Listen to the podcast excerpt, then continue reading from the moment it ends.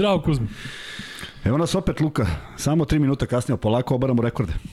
Obaramo rekorde nekašnjenja. Da. Dobro došli u 92. izdanje podcasta sa Lukom i Kuzmom. Svi znamo na šta asocira broj 92. Na šta je Kuzma? Na Rodmanov dres koji je dodaš još jedan... Pesmu Đugani fantastika. Ti slušaj Đugani. To pa da. Je. Zovite mi D2. Nemoj, molim te. Hoćeš da otpevam? Ne želim da znam Nema, da postoji. Ima opciju da otpevam. Ne želim. znači, postoji, Kako te krenulo posle gore, Bonita? Da, da, to je ta, ta ekipa. Samo još da zapevaš. E, dakle, 92. podcast koji će biti e, prilično dug, zato što imamo dosta tema o kojima želimo da pričamo. Zvezda je završila meč protiv Luke pre neki sat vremena, Partizan spremamo za četvrtak, odnosno e, radimo najavu meča Panathinaikos Partizan. Plan je, dakle, kao i prethodnih nedelja, posle tog meča Partizana, imamo podcast redovan četvrtkom, kada ćemo najaviti meč Zvezde u Euroligi, a Zvezda igra u petak protiv Monaka. Dakle, i Partizan i Zvezda su uh, ostvarili pobede ovog vikenda u ABA ligi, Partizan nešto ranije protiv Mege, izašao je Pešićev spisak za ove prozore koji nas čekaju već za neki desetak dana. Imamo Kuzma i na kraju malo i o NBA ligi da pričamo, to je da pričaš i to je otprilike to. Samo ja, ostavit ćete me da, ovoga da, puta. Mogu da može, može. Znam ali, da su Lakersi pobedili. Jesu, pobedili su. Uh, ali ono sa čim bi mogli da počnemo, to je dakle kako smo proveli IT vikend, odnosno deo vikenda, kako je bilo? E da, bilo je jako simpatično, otišli smo naravno da na faktički naš stand, našeg studija, Infinity Lighthouse, koji je imao jedan izuzetno lep prostor i to odmah preko puta Lagune. Ja mislim da je Laguna bila preko, na, preko puta nas. Da, Laguna ili nešto drugo slično tog ja tipa? Ja mislim da je Laguna. La, svakako, Laguna tog Svakako ovaj, mnogo ljudi je prošlo na jednom odličnom mestu. Srk ima ovaj, i nos i osjećaj za to, tako da a, smo se družili sa ljudima koji su došli. Neke smo propustili, ali su nam se javili da su bili, bit će prilike da se družimo. U svakom slučaju bilo je interesantno jer to nisu bili samo ljudi iz Beograda, već iz, iz, iz nekoliko gradova Srbije. Ovaj, popričali, ono što smo već shvatili da su to ljudi koji dosta dobro razumeju košarku i zato i gledaju ovo što gledaju, a mi možemo da razgovaramo s njima pošto nema onih ostrašćenosti, obojenosti i nekog ludila koje, ovaj, koje nekako nije primereno, pa se mi toga držimo, a vidim i naši gledaoci i došli su sa klincima, tako da su pokupovali još majica i bilo je zaista fino. Nadam se da ćemo imati prilike negde da napravimo nešto slično ovo što smo pričali, ali na tome radimo. Iako neverovatno približava se taj stoti. Sve sam mislio ima vremena, ali ćemo u toku nedelje i sledeće nedelje da poradimo na tome da ljudima javimo šta i kako. Da, imaćemo sigurno dosta iznenađenja, imaćemo i neke nagrade, dakle ja i Kuzma osmišljavamo kako da sve to izgleda. Uskoro nam se bliži taj jubilej, dakle godinu dana od kada smo počeli da radimo, meni je taj 22. novembar, odnosno kada je krenuo prvi podcast, nekako mi je taj datum ovaj, neverovatan, zato što prosto čovjek ne, prover, ne, ne poveruje šta smo prošli. Tako je. I kao podcast, i kao i pojedinačno, i privatno, i zajedno, i sve. Da, nekako sve deluje sa strane delo je jednostavno.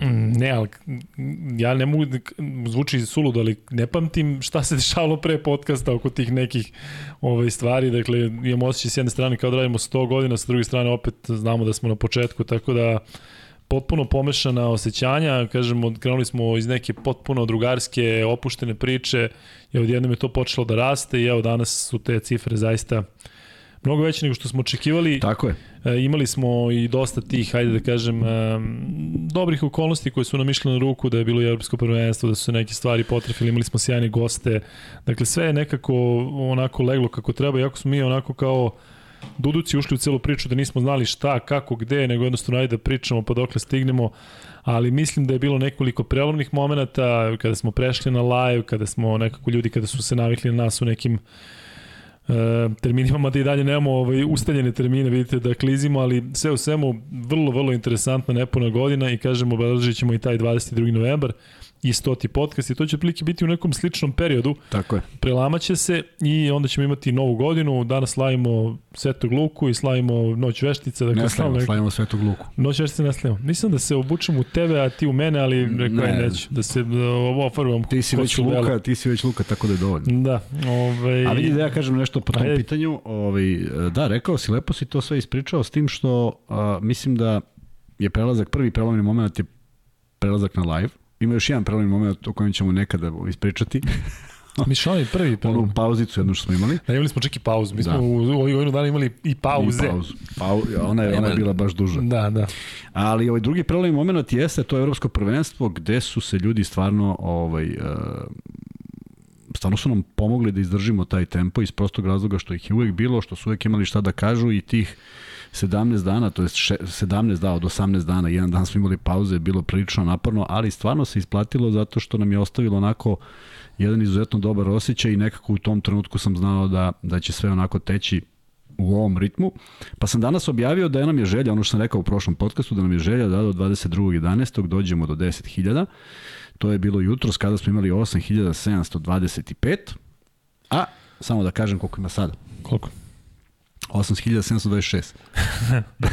jedan, jedan se... 8.742. Tako da polako se mi krećemo ka tome, ali bi bilo divno da u 22 dana malo poboljšamo taj Da, zvaćemo ljudi. Znaš da je ono kada si ih jednom zvao, kada smo imali neki ono Jeste, bilo 7 je ili 8 genijalno, hiljada, da. je Pa, ba, ba, krenulo. Tako je.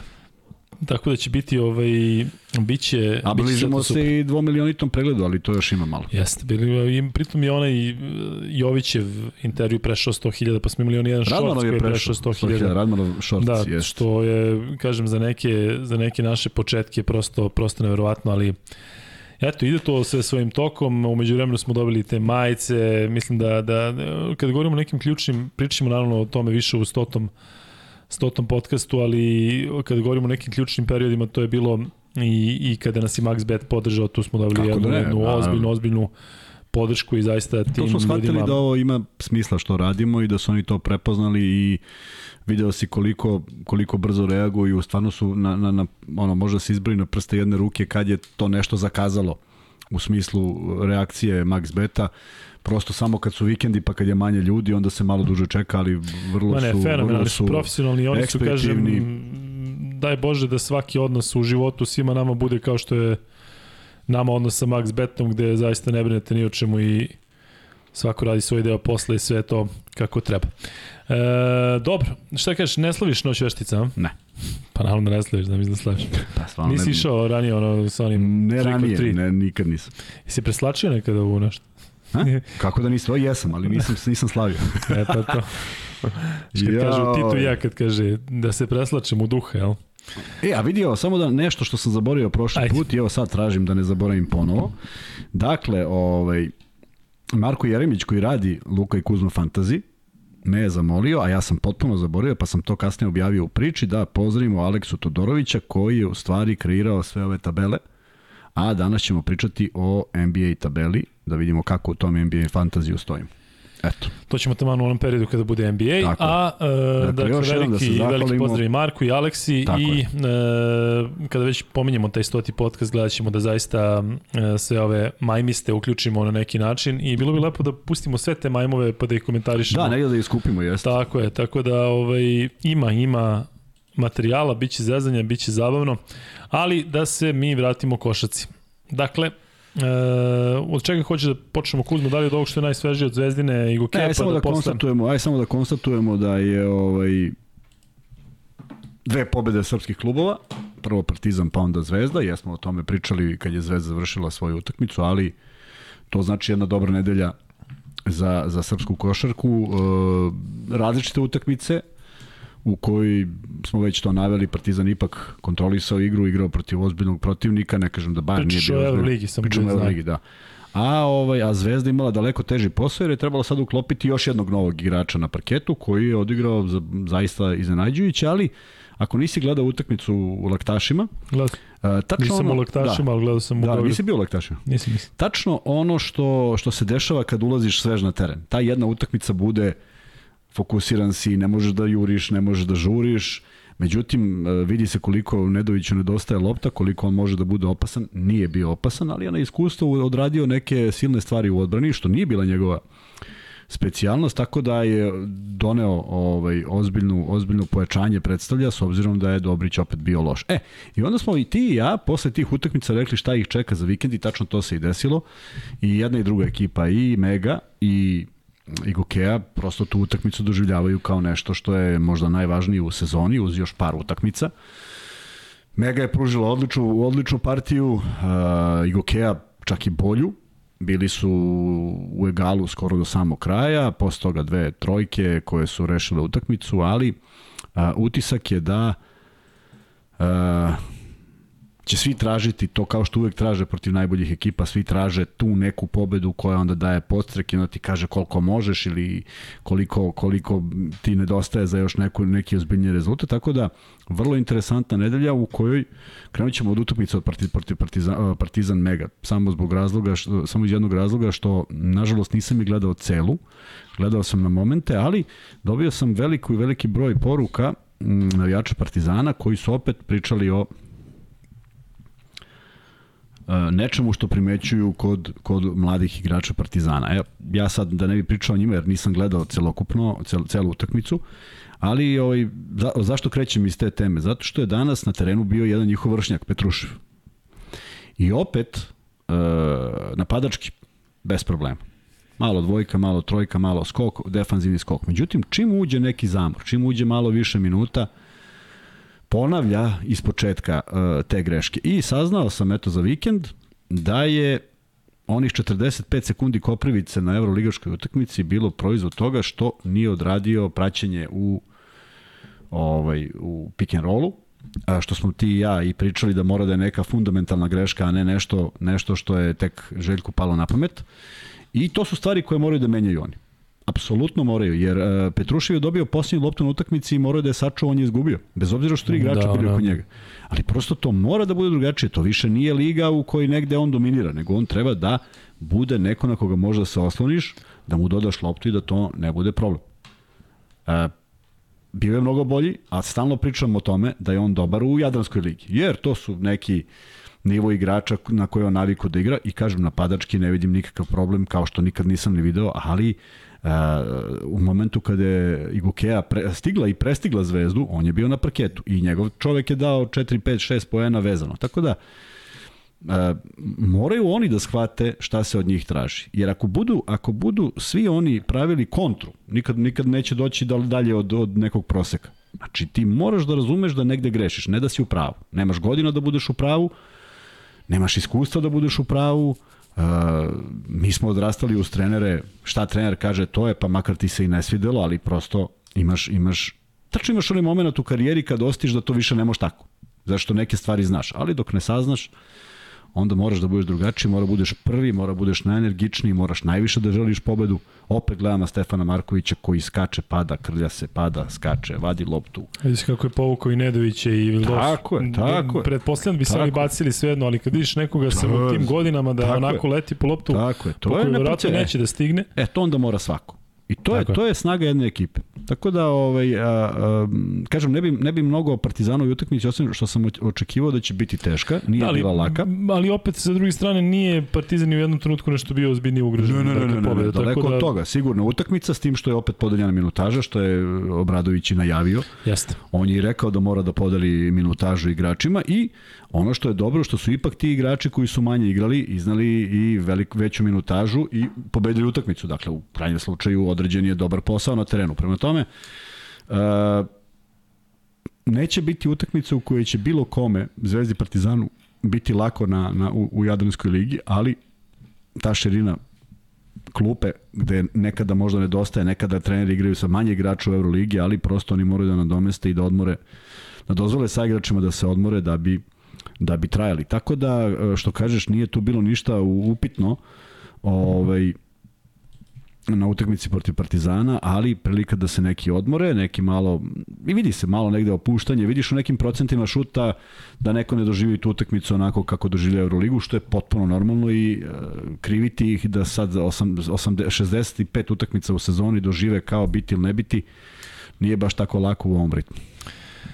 Um, Kada si već pominjao, dakle, Nedović i ovo njegovo danas, ja moram priznati da je meni mnogo draže da ide ovim putem, dakle, da e, promašuje i da na kraju pogodi četiri bitna bacanja za tako pobedu. Je, tako je. E, zato što su užasamo onih igrača koji daju 30-40 i onda kad treba da daš na kraju, onda kao umorio si se ili ne. Da. Tako da mi je uvijek bolja opcija, ali on u jednom trenutku imao slobodno bacanje 2 od, jedan od 4 ili 2 od 5. Ali onda je na kraju imao trojku, jedan od 6 I pritom Ništa tu nije bili, uh, asocirala me ona situacija kada je šutnuo dve trojke sa istog mesta u istom napadu. Jedna, na ono što se, jedna duga, jedna kratka. Tako je, asocirala me na Sloveniju. Dakle, tu je verovatno i ta nesigurnost je on imao slične tako situacije je, protiv Slovenije, gde je forsirao šut, tako ali je. nije htio da uđe. Ali zar nije ovo, e, kada pominješ i Petruševa, i Koprivicu, pa sada i Nedovića koji traži, tek se vratio, traži svoju formu. Zar nije bolje da, da te neke, ajde da kažem, deči bolesti budu u Jeste, ABA ligi u pobedama? Apsolutno, apsolutno, naravno. I vidi, ti sad Vlada Ivanović ne bude nezadovoljan.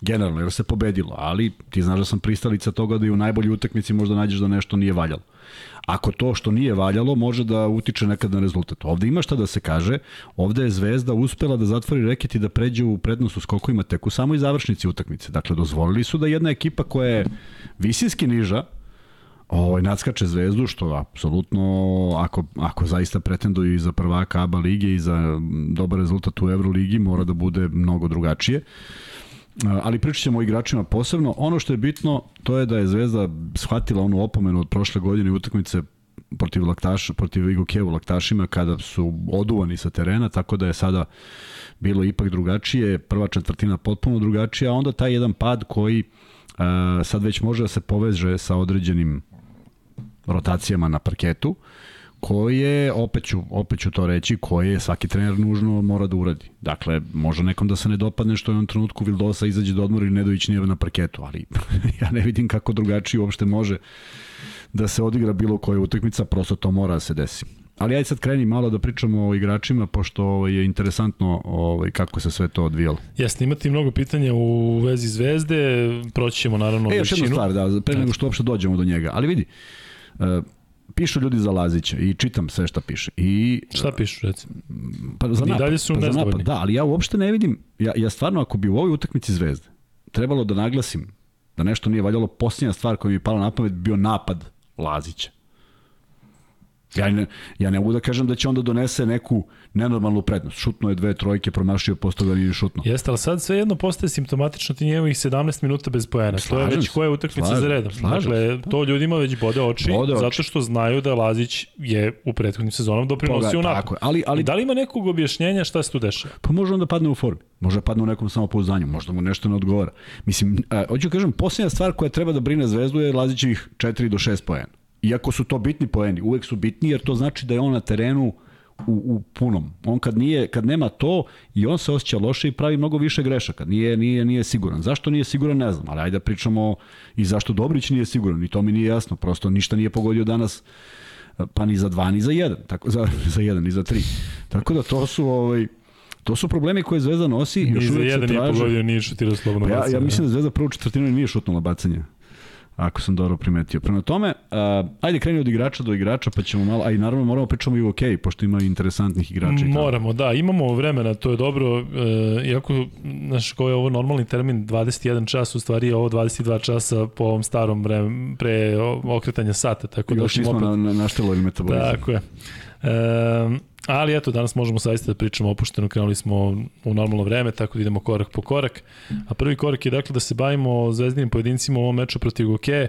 Nekako moramo da krenemo od Vildose, ne samo zbog zbog njegove statistike koja je najbolja, 19 pojena, 9 asistencija, 2 skoka, trojke 5 od 9, ali taj momak zaista deluje da, da mu nije trebalo ništa da se navikne. Dakle, on je imao protiv Reala one, one neke probleme Ja tako, dakle... Gde da, da nađe slobodnog čoveka, je. više nego bilo šta drugo. Više da, da, da se on navikne na ekipu, tako ne da se on sada nešto tako. traži svoju formu, ali momak zaista igra sa nevjerovatnim samopouzdanjem i mene, moram priznati, ono što ja volim da kažem, plaši, kako bi izgledala Zvezda u ove dve utakmice bez njega? To su postavili mnogi pitanja. Šta bi se desilo da on nije tu, ne znam. Zaista ne znam. Ovaj, ne znam kako bi Adams odigrao ove utakmice, ne znam kako bi Marković doprinao više nego što jeste. U jednom trenutku 50% trojke, posle šutno jednu sa 7-8 metara na isteku napada. Uh, ali to je sad sve ali. Došao je, tu je i to je pun pogodak, apsolutno, zato što je pokrenuo celu ekipu. Uh, ima tu još dosta stvari koje mogu da se radi, ali da krenemo od, od, od njega. Uh, polako prelazi u jednu on, on deluje kao da se zabavlja i to sam često pri, pričao za Šveda. Šved je, ne mogu kažem da je slično, ali Šved se zabavljao na terenu. Šveda čim, je, čim, je, čim su ubacili u sistem CSKA, to više nije bio igrač kojeg ili voliš ili ne voliš, nisi baš mogo da ostaneš ravnodušan, ili ga gledaš kao potrošača, ili ja kad sam ga gledao u dobrim brojevima, to je bila poezija. Kada gledaš u onoj neodgovornoj igri 21-2, onda ti se stvarno utuži ti košarka. Međutim, Vildosa je u odličnim brojima. Vildosa se sada i malo zabavlja, ali počeo, počeo mnogo konkretnije da radi i da poentira i ono što je vrlo bitno, sa lakoćom pravi asistenciju. Pričao imao sam jednu diskusiju, jednu, jednu priču o uh, mojem viđenju Partizanove igre za koju smatram da je bila odlična, ali mi nedostaje taj, te, nedostaje mi asistencije. Pa su onda ljudi rekli ko je to ko bi trebalo da asistira u, u Partizanu. Pa ne znam, Vildosa mi nekad ne deluje kao asistent, više mi deluje kao košgeter, ali prosto čovek vidi, nisu to akcije koje su izrađene, to su akcije koje on prepozna. Tako da, ovaj, e, a ja sam odgovorio da me za Partizan, zašto bi volao da igra sa više asistencija? Zato što znači da se, da se malo bolje poznaju, da, da je slobodnije ide lopta, da se prepoznaju neke situacije na terenu i to će vremenom doći. Međutim, Vildosa se postavio i kao vođa i kao glava ove ekipe i vidiš kako reaguju svi kad on uđe i na loše stvari reaguje jako dobro. Nema, nema nikakve, ne unosi nikakvu nervozu. I u jednom trenutku kad su oni Nedović igrali u odbrani, zaista to izgleda onako neverovatno koliko oni sebi mogu da daju fore da puste čoveka dva koraka i da se momentalno nađu tu. Vildosa uopšte nije odigrao lošu odbranu. Nedović uopšte nije odigrao lošu odbranu, što nisu neke karakteristike napadača, izraditih napadača, prema tome mislim da je uh, s pravom uzeo taj broj 1 i, i da će stvarno biti neko ko kada se kockice slože, a ja verujem da on nije najbolje zvezdine izdanje, naprotiv mislim da se tek traže, nažalost, tek se traže, ali Tako je započela sezona i taj njegov dolazak je sigurno iznenađenje za sve, ali a, mislim da su igrači svesni kako su sa igrača dobili. Idemo dalje, što se tiče igrača, Benjamin Bentil nastavlja u dobroj formi, 17 pojena, 7 skokova, dakle on je neko koji je najstandardniji u Zvezdi od onih igrača koji su počeli ovu sezonu, dakle za mene moram priznati da je to iznenađenje, ja nisam od njega očekivao da će se tako nametnuti posebno u toj jednoj jakoj centarskoj liniji i bukvalno i figurativno kako god. E, nije me oduševljavao toliko prethodnih sezona da kažem uf da evo od Vildosa čak i možda očekuješ dolazi Vildosa sa NBA i nekim backgroundom. Pedigreom i drugačiji pristup. Tako je, igrao i godinama u, u, u Euroligi. A što se tiče Bentila, on zaista takođe deluje kao neko ko, ko bi ove sezone mogao da iznese onako ozbiljan teret. Kako tebi to Kuzme deluje što se tiče recimo e, meni deluje u odnosu na, na početak sezone da pokazuje neku sigurnost sve više i više, posebno u završnici, bez obzira na to što je napravio onaj faul u napadu i sve, ali nekako govor tela i sve, deluje mi da, da i on veruje sebi kao što mu veruje i sa igrač. Očigledno da mu po prvi put prija uloga bitnog igrača. Uvek je bio neko ko je odrađivao posao jako dobro, ali nije bio ni šesti ni sedmi, više je bio negde osmi, deveti, koji je radio svoj posao očigledno jako dobro, čak i sećam se utakmice kad je igrao protiv Zvezde u Pioniru, gde on bio neko ko je Jeste. zaista pogodio kako god je trebalo. Ali što ti kažeš iz drugog plana. Iz drugog plana, potpuno ne očekuješ. Da. E sad on preuzima tu ulogu i očigledno da mu prija. I očigledno da mu cela ta atmosfera prija i ja verujem da on želi da to bude još bolje. Znači ja uopšte mi ne deluje kao neko ko je zadovoljan sad ovim, on kao tu je najstandardniji, dao je 17 poena i sad baš ga briga. Nego naprotiv vidim da se i on nervira A ono što bi mogao bolje da radi, to je da malo čita odbranu. Čitao je fantastično protiv Bajerna, a onda je danas svaki put uđe u dribling i ne vidi ko dolazi iz koje strane. I ono što je interesantno, a nije mi jasno, on je dovoljno brz. A, nijednom još kad primi loptu ispod na post apunu napadne lice. Čisto, čisto pošto ima ozbiljno, ozbiljno precizna šut sa polu distance. Dakle, uvek krene a, leđima i možda neko da mu pokaže malo da vidi kako bi to raznovrsnije bilo kad bi se okrenuo licem siguran sam da bi bio ubojitiji, naravno ako ga čuva niži čovek, onda bi mogao i lako da šutne. Međutim, danas je par puta došao u stvarno jednu onako komplikovanu situaciju, sebi zakomplikovao život, nije video da dolazi udvajanje sa čevne linije, nije video u jednom trenutku ko dolazi iz koje strane, ali generalno zanemariti te neke stvari koje mogu da se isprave, vrlo je nesebičan, igra za ekipu, podredio je sve ekipi, pravi faul kad treba, radi apsolutno sve ono što se od njega očekuje i ovaj, ozbiljno je pojačao skok Zvezde i mislim da je na evo, ove posljednje dve utakmice on neko ko je možda i najdominantniji u skokovima. Petruša blizu double-double učinka, 11 po 8 skokova za Tako 25 je. minuta, ali, Tako je, ali ono što si ti rekao u završnici... Um, mora da bude to jače, mora da bude konkretnije, mora da bude, mora da bude silovitije. Kao što je bilo u Megi, pa, je tako? Kada je on igrao za Megu i gazio je sve ispred sebe. Možda mu je prijelo, tako je, možda mu je prijelo što je on broj 1 Ali ovde ne možeš prosto da budeš broj 1, da mora budeš broj neki koji ti trener da i kaže uradi to. I onda ćeš biti taj broj koji si zaslužio. A treba onda teži tome da bude broj 1? On mo, ne, on mora da teži da bude bolje, da on prihvati sve te zahteve koji nisu nenormalni. Dakle, ja sad ne tražim da on ne znam šta uradi. Ne smeta mi kad čutne trojku, iako je šesta u nizu, ali ne smeta, ima dovoljno samopouzdanja. Ali meni je recimo zasmetalo u onom trenutku kada je Zvezda recimo od 10 od 12 napada za redom završavala šutom za 3 poena i njegova trojka Tako tu negde. Bez ali, obzira što mu igrač bio daleko. Slažem se, ali aj, ajde da kažemo bio je daleko, pa je to možda negde, da. razumijem te šta kažeš. Ja bi negde prekinuo nečim, ali i za to treba imati malo šlifa, ne sada linija manjeg otpora, ajde probali ovi pa ću da probam i ja. Aj, ali ne idem, ne idem vero, verovatnoćom da je tako, jednostavno uzuje šut jer je bio isuviše ovaj, odmaknut čovjek od njega, a možda je bila i provokacija, o tome mora da razmišlja. I definitivno Igokea je skupila odbranu pa pustila šuteve zašto je na trenutku bilo 2 od 11 je Zvezda šutirala, kasnije se to za nijansu popravila, a pogledaj šta bi se desilo i zamisli sad utakmicu samo da Igokea bolje gađala trojke. Pogledaj procenat trojke Igokea. Sada ćemo da pronađemo. Pogledaj, molim te. Evo ja ću da, da, da čekam. Čekaj, čekaj. um, trojka i Uke 36%. Koliko je? Koliko šuteva? Koliko ima Zvezda, koliko ima on? Ne, 33% izvini 12, od 36 ima i Ukea, Zvezda ima 4 od 19. 4 od 19, je to. Ne, 4 od 19 ima i Ukea. Pa to, 4 da, od 19 da, da, ima i Ukea. 4 od 19 ima i Ukea. Jeste. Sam misli da to bio samo pristojan šut. Da li vidio si ovaj Kendrick Ray, on nešto bacaka loptu na neki jednom čudan baci, način. Jednom baci pa pomisliš... Mu tablu, a onda ono... Da li vidi, da li vidi gde je koš, da. Ono što je yes. gađao tamo pod uglom kojim ne znam šta je šta A je. voli da se baci, mnogo lepo izgleda na da. slici. Da, jeste. Uh, ali uh, da, ovo što ti kažeš treba da bude zabrinjavajuće. Dakle, treba da, da, da je Igoke recimo dala dve trojke u onoj situaciji... Samo dve, samo su, šest od 19 posebno kada su bili u onoj seriji, kada su nadoknadili minus 10. Tako je. Dakle, meni je žao što čini mi se da Zvezda opet je zavisila od, od nekog drugog. Nisu kontrolisali utakmicu tokom nisu, celog meča. Nisu, nisu tokom celog meča. Daleko od toga da jesu. Da jesu ne bi došlo da. do tog preokreta i onih pet razlike kada je stvarno malo falilo. Pa još i Martin daju četiri pojena pa Martin promašuje ovaj, uh, slobodno bacanje, a onda mislim da Marković daje trojku. Da Marković je dao dve trojke, ne znam se koja je bila u bitnim da, da, da, upravo to. Tako da, uh, mora mnogo toga da se izvuče iz ove utakmice. Uh, da bi Zvezda bila bolja, ali negde postoji taj neki napadački deo koji možda nema još uvek tu, tu prohodnost, mada je prva četvrtina bila prilično dobra. Ali u jednom trenutku, čak i kad imaš na parketu najubojitiju zvezdu petorke, uopšte to ne izgleda loše. Pitali su te ovde, koja ti je najubojitija ta petorka zvezda? Meni? Da, da su zdravi svi. Ne, ja bi uvek Markovića, meni bi Marković bio, ne bi bila najubojitija. Govorim, ko ima najviše poena u rukama po ovome što radimo. Znači, može da bude Vildosa Nedović, uh,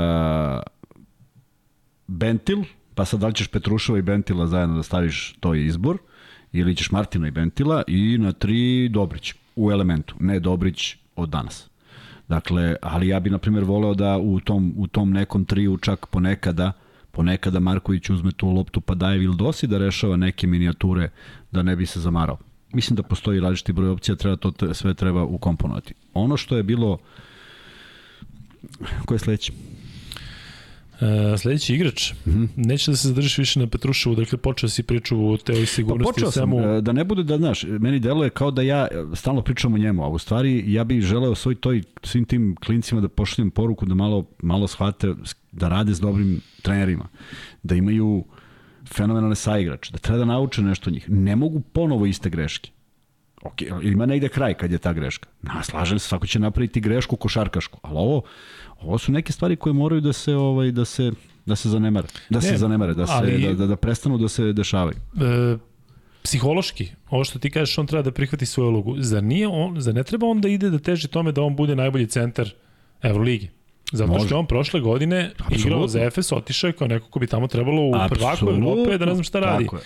I sada je to Tako. otišao u nekom drugom pravcu, pa i sve sa reprezentacijom. Dakle, on Da li treba u glavi da kaže, ej, ja stvarno imam te mogućnosti, ja treba da grizem, treba da povučem ovaj tim.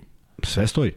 I, to izgleda, I da usput prihvati sve. I to izgleda ovako, ja ću da odbrnim sada, da pokrijem svakog svog saigrača i neće mi dati koš na pet prodora. Dakle, od toga se kreće. A odatle se kreće, ti nećeš da daš da tim izgubi. Nećeš da razmišljaš kako si ti igrao. Zato što je ono što si ti rekao, treba mu neko zakucavanje ili nešto da hoćeš da kida, da, da, da se malo podigne. To ide ipak iz odbrane ili iz napada, kod njega. To, to kod svakoga mora, pazi, evo, e, razmišljamo ovako. 24 sekunde si se bacao po podu i stigo si do neke odbrane, krećeš u kontru. I kad zakucaš, kako se osjećaš? Osjećaš se fenomenalno, jer si iz ovoga proizveo. I, fenomenalno je osjećaj da si ti uspeo da sve to uradiš u, u kratkom vremenu i ja bi to volao da vidimo njega. A tu energiju. Ali, ako je pristup, u Megi sam bio broj 1, sad bi trebalo da budem i ovde broj 1, od toga nema ništa. Zato što to ne ide tako. I meni je mnogo drago što Vlada Jovanović ima taj pristup i ne, ne uzima minute. Naprotiv, mislim da ga vrlo svesno uh, bodri kroz minutažu, kroz sve što radi, ali u onom trenutku jednom kada je reket bio prazan, a ti imaš čoveka od 2.10, onda nešto nije u redu. Ili ne možeš, pa moraš da učiš, ili nećeš jer te mrzio da trčiš. Nema treće. A ja verujem da je ovo prvo. Znači, moraš da naučiš. Onda moraš to da radiš. Onda moraš sad sledeću utakmicu da zatvoriš reket. Onda moraš sad da budeš još čvršći i tako dalje i tako dalje. Dakle, to je neki pristup jer vidim da mnogo ljudi pričaju o tome o, o, o, o, o govoru tela mladih igrača. ja, ja sam želeo naučim svaki trening nešto. Gde sam bio, od čega bio najbolji? Kako mi je bio najbolji? Mogu sam budem, ja sam mogao da budem tamo u tom OKK Beogradu kad se skupilo tih 12-90. godine možda najperspektivniji. Ali to ne znači ništa. Moraš da, da, da radiš. Pa znamo svi kako smo prolazili. Redko ko je dobio ulogu šutera sa 19-20 godina. A da nije ekstremno talentovan kao što je to Dončić, pa čak Dončić pa Dražen, pa ne znam drugog ko je dobio tu priliku. Tako da Petrušev danas odličan, ali mora još mnogo čvršće, snažnije. Naprimjer, fantastično je reagovao, ja mislim, na kraju treće četvrtine kad je iznudio onaj faul. Iskusno primio je loptu i odmah se cimno. Tako je, to je jedan potez koji je za svaku pohvalu. U smislu, nije sad on po svaku cenu tamo zidao, pa nego je dobio dva slobodna bacanja vrlo jednostavno. A onda u onoj momentu kad dobiješ loptu, pa ta lopta ne sme da ispadne iz ruku. Ne sme uradiš sve da ne ispadne. Bude faul, nema nikakvih problema. Da, on je onda ba, baš je čekao faul, trojica oko čeka. njega, on digao loptu iznad na čelo i... Ga, e, ako si ga čekao, što si ga čekao? Ako ga nisi čekao, pa stisni. Ali baš se vidi nesigurnost, baš se vidi upravo, da, da, da on ne može upravo, ni da zarotira, da, da pivotira, to, da se nekako... Upravo to. A ja ne bih ništa protiv da on zarotira kad mu se neko tako unese, pa, da, da. Ga, pa neka ga i udari. Odnese, da. Ok, ali viš sledeći put kako će da dođe, neće više da za boden 8. Tako da, dobra partija, vrlo bitni poeni od njega, ali u odbrani to mora bude drugačije, naročito kada, kada, kada a, Tompkins je se Tompkins zove onaj momak.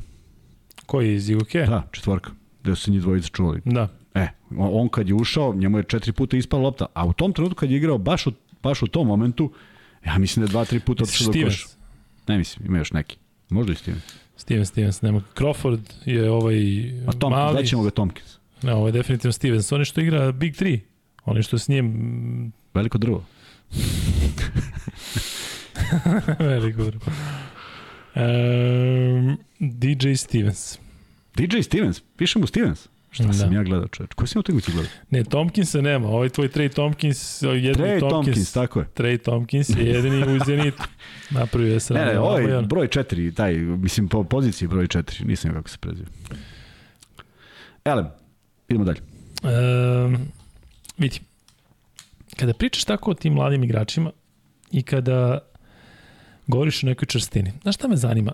Da li misliš, kada pominjamo, neko bi stavio sada u isti koš Petruševa i stavljamo i stanu, Koprivicu, Vukčevića, Bori, da. Barišu Simanića. Pa, vrlo su slični po godinama. Pecarskog, recimo, tu su svi. Je li im zaista fali više mišića, Kuzma? Ne. Ali ne mogu da se nose fizički sada sa ovim životinjama s kojima se nose inače. Ti imaš Amerikanci u ABA ligi koji su jači, ali u Euroligi imaš centre s kojima ne mogu da se nose.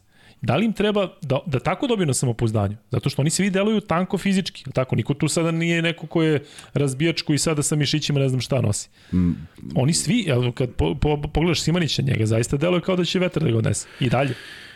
I to jeste ta neka NBA igrađa okay, sada vidi ovako, vidi ovako. Ja sam dobio batine u tom uzrastu kao i svi, očekivano. I nisam bio impres, nikog impresionirao mojom fizičkom građanju. Imao sam 75 kila. Ali zaista nikom nisam dozvolio da prođe dobio sam takve batine i onda sam naučio kako da se nosiš tim. E onda očvrsneš i više nema batina. Dakle, dobit će ih i dobijat će ih još, ali u jednom momentu ne znam da ima 120 kila. Jer on u srcu može da bude taj koji je malo, ne, ne voli baš. Znači moraš. A da li se to nadoknađuje teretanom? Evo recimo, ti kažeš da si imao tu situaciju. Oni Pa nemaju, dakle nadoknađivao. on je jednostavno nesiguran, ulazi u kontakt, malo se tu odbija pa napravi neko jači faul. Da li sad ti trebaš to da izvučeš da stvarno kad iđeš na teren da se vidi da sa tobom nema zezanja? Zato što niko od njih fizički, što se tiče on mišića, mora nije da, da, on mora da da ti... ima taj stav da nema zezanja. On mora da kad se taj okrene ti ne odeš korak unazad, nego se on odbije. Pa napravi faul. Video si protiv Letonije. Recimo, vraćam se Petrušev kada je ušao u igru, govorimo o prozoru onom, Znam. Pa je odneo ga je neko Tako je. i odmah je završen na klupi, nije igrao ni više taj meč, nije igrao ni protiv je, Belgije. O tako tome pričam. Dakle, da li njemu treba osim stava, da li mu stvarno Stav. treba još jedno 5 Ne treba, kg? Ne treba. Ako imaš stav, dovoljno. Dovoljno? Dovoljno. Mislim da je dovoljno. Mislim da je dovoljno da pokažeš zube. Mislim da je dovoljno da udariš istom stra, snagom. Mislim da nisu to nejaki momci. Ne, ne, ne fali njemu snage, to sigurno. Ja verujem kad bi mi gledali šta on diže, isto bi rekli, uhu, vidi ovaj, ovaj je opasno jak. Da, kad zbog toga pitate neko koliko ti dižeš iz benča. Ne dižem. Ne, ne bavim se ekstremnim sportovima. A jesi ranije morao? Ranije sam kod Lukmana koji nam je bio gost jednom digao 88 kg. Jednom. Op, Aha. op, kraj. Ne, jednom, jednom, jednom u jednoj godini sam digao 88 kg u, u seriji nekoj. A dobro, jesi izvukao 10 puta ili si ga Da, samo... da, da, da. E, pa dobro, to je onda... Pa da, ali to je samo jedno. Znači da možeš To je bilo 120 da digneš ovako. Ne, ne, to je bilo pred sezonu. E, da, slušaj, onda su svi dizali 100, 120, a onda smo ušli u sezonu i onda je smanjena teretana, jer mi to su bili pripremljeni u period par meseci, par meseci, mesec dana sigurno. E, onda smo svi vratili u normalu. Ja sam dizao 75, ali su i svi ostali dizali 75. Tako da, ovaj, nije to potrebno baš preterano. U modernoj košarci jeste više nego ranije, ali ovaj ali mislim da pre svega imaš imaš neki neki onaj osjećaj jedan karakter, čvrstinu, ne dozvoljavaš da neko prođe, učinit ćeš sve, dobit ćeš udarac. Ja sećam moje prve utakmice za one koji malo više pamte, bila su Bože, braća Čarapić. Ranko igrao playmakera Ranko iz, uh, iz Lovćena, a i moj brat. A ne mogu kako se zvao. Čoveče, mi igramo u Šumicama, nešto se renovirao pionir i mi sad imamo duplu blokadu da nekom našem oslobodimo prostor kojeg juri Rankov brat. Prva B liga. I čovjek trči u punom trku, ovako namesti ruku. Kad me pogodio ovde, a ja stao, sad znaš, neću da padnem, a ja otišao četiri i po koraka nazad, izašao van terena. Znaš kakav udarac? Znači ja nisam disao normalno neko vreme, i dobiješ taj udarac tada i onda više ne važi. Ne može više, onda ćeš da ga vratiš negde kako god. Ne da ga udariš pesnicom, ali ćeš da naučiš da se vratiš. Nisam, nisam, redko sam vraćao. Ako neko moram da vratim, pozovem sa igrača, pa ga u bloku odnese. Ovaj, Hoćeš da mu vratiš? Nisi, možda pa sad. je, čekam ga negde. E, idemo dalje sa igračima. Lazarević, mislim Odlično, da, odlično. da sada to deluje dobro i u, E, u tako, napadu. mo- e, to mora tako da igra. To ali mora stvarno on je da u odbrani konstantan, ali kod njega ba, zaista bila ta razlika između nesigurnosti u napadu Jeste, i odbrane gde jeste. kida. Jeste. Jeste. Sada Danas je 9 poena, pogodio 4 tako. skoka, asistenciju za 20 minuta, Tako je. 3 od 3 za 2, 1 od 2 za 3. Tako je, pogodio tu trojku koja njemu onda da taj neki, to neko samopouzdanje, lepo ga pronašao Vildosa, video je da nema nikoga, glupo bi bilo da je sačekao, namestio, pogodio. Šest lopti njegovih, pfu, šta ćeš više? Koliko si rekao? 3, 3, 2, 1. Pet lopti. Da. Pet lopti njegovih da se on izbori za dve, za dve se izbori sam. Dva puta prati sa čelne linije, video si kako lepo prati. Prema tome, a u odbrani još da nauči da nije svaki, svaka odbrana gol u 98 minutu. Dakle, on stvarno igra uvek na ivici, nekad ne mora, nekad može malo da isfolira, da vidi, da vidi šta taj radi, pa drugi put da ga sačeka. A on svaki put ili će napraviti faul ili je to savršena odbrana. Nema, nema, nema ništa između. I, ovaj, I znam da mu je ta potrošnja, jer, jer to mu je negde u glavi. Samo ovaj da ne da koš. Nije baš važno da li je šesti minut, isti, nije isti kao 39. ali posvećen, vredan, radan i odigrao jednu utakmicu. E, tako, tako bi ja volao da on ima to na svakoj utakmici. Ništa više od toga. Samo taj učinak da ima i to je već ozbiljno dobar posao. Marković si pominjao 6 poena, 5 skokova, 3 asistencije i mnogo stvari koje Jest, se ne vide za tih jest, 18 jest. minuta. Njegova Ukradenih trojka 2 od lopti. 5, on nema šuteva Za dva. Nema za dva, samo je digao Da, pet trojke. Dakle, i dao je dve, dao je dve bitne. Dao je dve bitne. Imao je jednu ukradenu, imao je na kraju pet faulova. Jednu ukradenu samo. Da, samo jednu. moguće samo da Znaš koja je to je kradan? Kad se bacio, uvatio je golmanski. Ceo, baš je procenio da će lopta da ide. A ono kad je u ruke dobro. Kad je u ruke tako, dobro, da.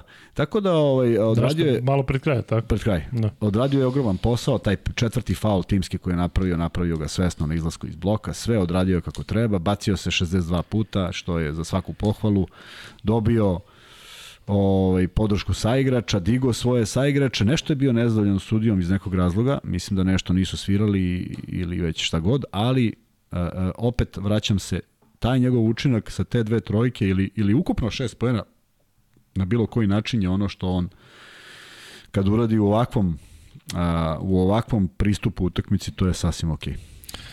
Martin, na terenu danas nije bio mnogo, 12 minuta, skoro 13 minuta, 4 pa na 4 skoka. Neko mi deluje da on u, u celoj toj priči možda je u drugom planu. Da ti deluje? Pa jeste, u drugom planu je Bentil, prvo, Petrušev, da. nekako se čeka da. Petrušev, Bentil je konstantan. Da.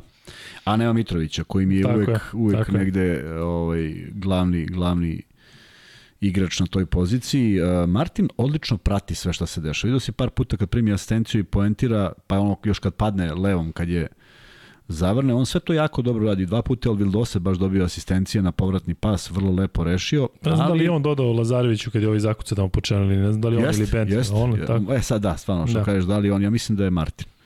Ali nije ni važno, jako dobro se snalazi, međutim, n- nedefinisana, nedefinisana pozicija. Znači, nije četiri da izvuče da šutne, Nije ni pet, jer kad gledaš Tanaskovića i Đorđevića, više nisu to dečaci koje znam tamo iz Saveza, nego su to ozbiljna tela i onda ne dominira toliko, ali je uspeo da se snađe na ovoj utakmici i da odradi prilično dobar posao, iznudi onaj fal u napadu. Da, je odrađuje on svoje. Nije on- nije on neprimetan, dakle, Ali on malo je tu- minuta, znaš, malo Jeste. minuta za igrača koje, koji igra u Olimpijakosu. Da. Sad stižemo do Holanda, ja mislim da ljudi više gledaju u njegovu minutažu nego što gledaju učinak. Učinak je dva pojena i dva skoka, ali 11 minuta na terenu, nekako ona 2-3 minuta ili koliko već 4 u Euroligi, sada u ABA ligi 10-11, dakle očigledno da se na njega u ovom trenutku ne računa toliko. Ne, ne, ne mogu da kažem da se ne očekuje, ali on, znaš, nije on, nije on odigrao 10 minuta zašto je loše odigrao, ko što kažemo da je Koprivica sebe izbacio, tako. Dakle, on je jednostavno, kao što ti kažeš, kao da, da je negde u rotaciji onako, ajde, ako, ako zatreba, pa neko napravi faul, pa da vidimo da ćeš. Da, jeste čudno, ali po učinku nije. Sad mi ne, ne vidimo treninge. I to je ono što je vrlo bitno. Mi, mi pričamo na osnovu, mi pričamo na Holandu na osnovu čega? Prošle sezone. Da. Dakle, na treninzima se vidi nešto to što drugog mi... dela. Tako je, na treninzima se vidi nešto što mi ne vidimo. Činjenice da on jako teško sebi pravi poziciju za šut. Jako teško. Uh, defanzivno nije neko ko, da ćeš primetiti razliku da li on odbrani ili neko drugi. Dakle, nije ono životinje u odbrani pa ne dozvoljava da bilo ko poentira. Ima ludačku energiju, ali ta energija od kad je u zvezdi je na rečima. Idemo hu ha hu hu hu he, ali u suštini ne desi se ništa. Možda I ponoviš još jednu. hu ha hu, hu hu he. Jes, jes, na kraju bio he. Pa vežbao sam danas, da, da. kad smo, kad smo razmišljali da ćemo pričati o Holandu. Da si čekao tačno taj moment. Jedva sam čekao pređeš na Da. Holanda. Viš da sam sve to zbrzo Da. i sad samo o Holandu. I? I ne mogu da kažem da sam impresioniran. Uh, bio sam malo skeptičan kad je dolazio, pričao sam o njegovoj energiji, pričao sam o tome da igra malo, malo drugačiju košarku od one koje će morati da igra, ali stvarno nisam očekivao baš da bude ovako. Činjenica je da on nema baš ajde da kažem, neku akciju da će njeka njegov da izoluje, da dobije neki pas u pravom trenutku, pa onda digne trojku. Ali kad digne trojku, nekako opet imam manje poverenja u njega iz nekog razloga nego čak i u Nedovića. Nedović je danas tražio daljinu. Nedović nije šutirao levo ili desno. Nedović danas nije mogao da oceni da li je napred ili nazad. Pokojni Pera Zimunjić, kad smo pričali kao kondicioni trener, kaže, kaže, dogovor lopta ima pravac, to je dobro. Kad ide levo desno, onda si u problemu, ali ako ti ne možeš da osetiš gde to se da namestiti jer ona ide putem ka košu. Tako da ovaj, eh, nešto nedostaje, a nemam ni jedan detalj za koji mogu da se uvotim da kažem, uf, ovo je dobro uradio, pa, na primjer, za Lazića sam znao milion puta da kažem da neko nije primio loptu, nije video koš, nije video... Ovde nemam ni defanzivni ni ofanzivni segment za koji bi rekao da je negde bio dominantan, pa da je on sad van terena, a zaslužuje da bude na terenu. U krajnjem slučaju Dobrić ima užasan učinak, dešava se, ali želi, juri, traži šut. Holland meni deluje kad on promaši ili, ili ga više niko ne vidi ili on više sam sebe uopšte ne izbacuje u, neku, da. u neki prvi plan, ali svakako ozbiljan problem na spoljnoj liniji jer to je još jedan u, u minusu, a sad ćemo doći do još jednog koji je u minus fazi, E, to je onda već problem. To je još dvojice koji su minus fazi. Da, ali sam mi reci za Holanda, šta je izlaz iz te situacije? Da li da se namete na treningu ili mu treba jedna utakmica da da 17 poena, pa malo i podrška navijača ili kombinacija stvari? Šta sad on sedi u svojoj sobi, u svom stanu i kažeš, be, daj da vidim daj minute, pa, daj ne. da sad gruvam na treningu, daj da... Da, ja bih probao, ja bih probao da mu napravim nešto u čemu se on osjeća komfortno neku akciju koja, će, koja mora da prođe, koju će se insistirati da prođe, da on ostane sam na šutu ovde ili onde, ili izolovan na ovoj ili na onoj strani, da vidimo šta se dešava, da imamo rezone, da imamo kako to izgleda. Što kažeš, mi ne znamo koji mu je rezon. Možda bi on čovjek da primi pet lopti, pet i šutno. Nije ih primio realno. Ili kad ih primi, da. lopta uglavnom stane. Pa onda uzme neki šut zato što nije uzeo dugo. To nema ništa gore. Znaš kao, nisam šutno 4 minuta, daj sad da opalim, a pozicija leva napred, desna nazad, u raskoraku. Uh, svakako bi probao, ali aj sad, aj sad da pričamo o strpljenju navijača i svih ostalih kao probao. Pa ajde probamo još jedno mesec dana pa ćemo da mu namestimo. Ne je to baš tako. Ako nije do sada namešteno, bojim se da neće ni biti, ali svakako on, on, on ili mora da napravi neki razgovor, ili mora da nađe neku sebi poziciju, ili mora nešto da se desi gde ćemo da vidimo njegov učinak. Ovako vidimo samo da je na terenu bez nekog naročitog učinka. E, hvala za donaciju Dušanu Mihajloviću. Vuk Grbić ovde podsjeća ono što mi treba da podsjećamo da lajkujete i kaže Luka morate da stavite ili digitalni ili fizički podsjetnik za lajkovanje streama jer ljudi izlazi i ulaze stalno pa to treba ponavljati. Sa lajkovima stream izlazi u recommended, do sad bi imali 10k, 10k subova. Da, moramo da češće Šta da radimo sa recommended? Šta da? Šta da recommended? Pa ne, da imamo više lajkova u streamu, izlazilo bi u, u ovim... Uh... Pa naravno da bi, ali šta mi da radimo? Pa ništa, recimo. Kad smo imali like. like, svi su rekli šta radite. Kad smo pričali, rekli su šta radite. Kad... da, stvarno lajkujte. Nije ništa... Ovaj... Nije ništa strašno. Da. Evo, sad imamo 187. Hoćeš da čutimo na 30 sekundi da imamo dok će e, da se poveći. 188. Još 25. um, Evo ti, kad govoriš o minusu, Ogen Dobrić, bez poena za 17 minuta, to je nevratno ko igra yes. 17 minuta, to je... Da, rekao sam ti da, da taj broj najgori. 0 od 5 za 3, ali ja stvarno nemam problem sa njim u smislu zato što a, ne mogu da se stavim, i verovatno niko ne može da se stavi u, u glavu jednog momka koji je e, bio na pragu da bude u reprezentaciji, pa je onda imao leto kako je imao u smislu sigurno je razočan zato što je on praktično bio 13, ili tako, kada je katovan on jest, je bio 13. Jest. Pa se onda povrediš pa sad treba da igraš, da igraš sezonu u, u Euroligi za zvezdu da budeš lider. Dakle, siguran sam da treba vremena. A povrediš se. Tako je, pa da, govorimo o povredi. Je tako? Da. Dakle, da. samo treba vremena. Jel treba tu još nešto? Jel ti on, kako ti deluje on na terenu? Ti si rekao da njega poznaš dobro i njegove kretnje, jednostavno on, on, ide ono to njegovo prezime, dobar Dobrić. Jel jest. tebi on deluje da nije trenutno negde onako u glavi? Ne, nije u formi. A u glavi, u, glavi, ako mogu da kažem, nije nikad. Ali u ne u negativnom kontekstu. Zato što Dobrić je čovek koji svaki promašaj doživljava kao 96. minut i finale Kupa šampiona. Ja neću zaboraviti kad išao neku jako tešku kontru, dobio loptu, promašio, nije ni video da se lopta odbila do nekog zvezdinog igrača, on je, on je maltene se uhvatio za glavu, znaš, kao, toliko teško doživljava te promaše za koje on ubeđen da treba da budu. I meni je već dovoljno dobro da on uzima te šuteve i želi da se vrati. ja sam ubeđen da će Dobrić da se vrati vrlo brzo na onaj njegov 4 od 6, 3 od 5, nešto što smo navikli, ali činjenica je da sad to igrači koji ga čuvaju već godinama u Euroligi polako čitaju, polako znaju šta radi. Mora da nađe neki drugi način do koša. Či, e, e, kad ima dobru kretnju, čini mi se da ide kao da ima još jedan korak viška ka košu. Da li razumeš šta hoće? Kao da, da. da ide okolo. Ono što ti govoriš ne koristi prostor ne kao koristi prostor, Popović, tako je, tako je, najbolje tako nego. je, nego, nego, nego, nego, nego napravi korak više, sebe dovede u težu poziciju. Ali to nije njegovo nepoznavanje košarke, već je šta? Pa mislim da, da, da, da je neki nedostatak. Ne veliki, ali, ali dovoljno da te ubaci u problem. Znači da si malo brže, to ide do koša. Ako napraviš taj pokret, neko stigne. I onda daješ teže poene, poene ili ih ne daješ. Ali ono što je bilo interesantno da danas apsolutno sve promašio, što se stvarno redko dešava, a opet nije uzeo ni malo teške šuteve u smislu da su to sad neke poslednje sekunde, da je neko padanje na leđa, nego jednostavno njegove pozicije i ne mogu da kažem da ta svakako je išla na na koš, da nisam pomislio evo ova ulazi, ali prosto danas su bili užasni u jednom momentu. Posle kad sam shvatio da je Gokea šutirala još lošije, nisam mogao da verujem, ali eto, to je to se okrenulo tako. Inače, Zvezdin početak utakmice 2-11 je da ga veštavao baš onako prilično užasan procenat za 3. Davidu Blamu, hvala puno za donaciju.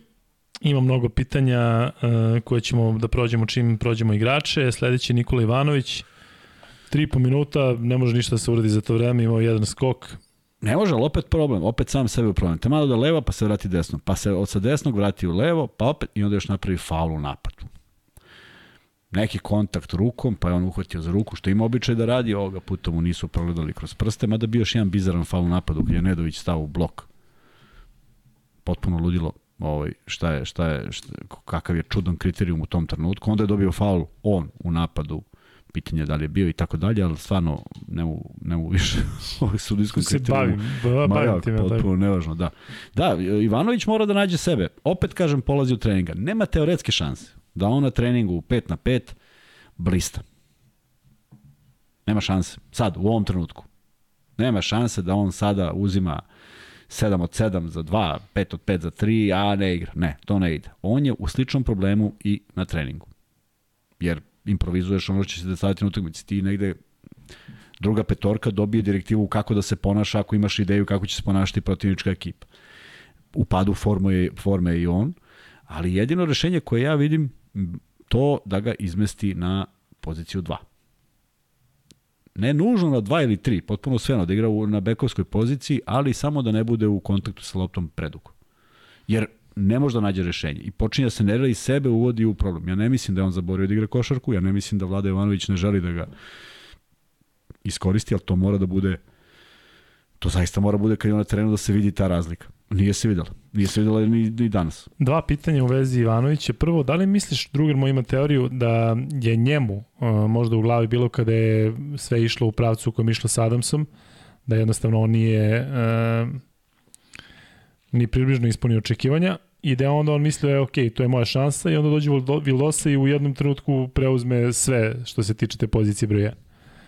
Da li, tu, da li on možda sebe video, aha, evo je sad moja šansa, opet je sad u drugom planu. Prvo je bilo zašto se čekalo, čekao se Adams, u smislu Adams, ajde, naš došao je, pa ajde da vidimo šta može, kako ne može, sad jedno dođe Vildosa i napravi totalni, totalni bum i nametne se i kao lider, nametne se i kao ljubimac navijača i odmah samim tim čini mi se da je i onako veći pritisak na Ivanovića da je malo, manje strpljenja za njega. Pa jeste, ali to, to onda, on, ako, ako bi tako razmišljao, onda to demantuješ fantastičnom partijom. I sad ti staviš Vladu Ivanovića. A kako za 3,5 minuta? Za 5 minuta? Pa, ne, pa ja, ja sumnjam da bi on ostao 3,5 minuta da to za 3,5 minuta izgledalo. Ja misliš da, da, da nije bilo tog hvala u napadu i to što govoriš o kretnji da bi, da bi da, da ga je sve da, planirao da, duše? Tako? Da, sad, aj, sad idemo baš u pretpostavku. Na primjer, ej, hoću da igraš što jednostavnije, hoću da igraš u dva driblinga, hoću da kad prođeš da, se, da, da namestiš i da šutneš. Neću da više ovo. Jel važi? Važi.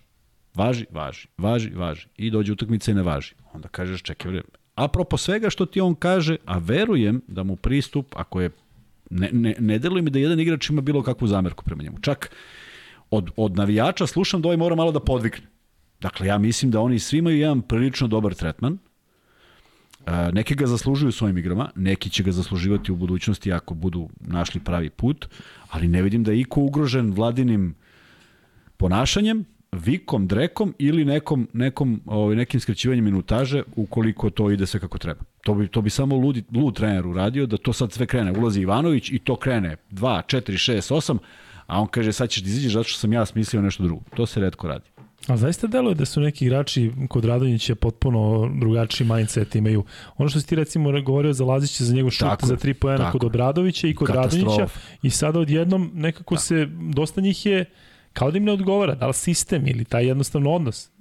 Se slažemo da Ivanović... Slažem se, ali prilagođavamo se svi i svi smo da. se prilagođavali. Pa ja, ja nisam iz Beočina da sam bio pa prvi, drugi, treći strelac. Nisam došao u Zvezdu da budem prvi, drugi, treći strelac, nego sam shvatio da imam neko svoje mesto. Pa se ispostavilo da sam bio četvrti. Pa sam došao u Beobanku, pa sam bio prvi.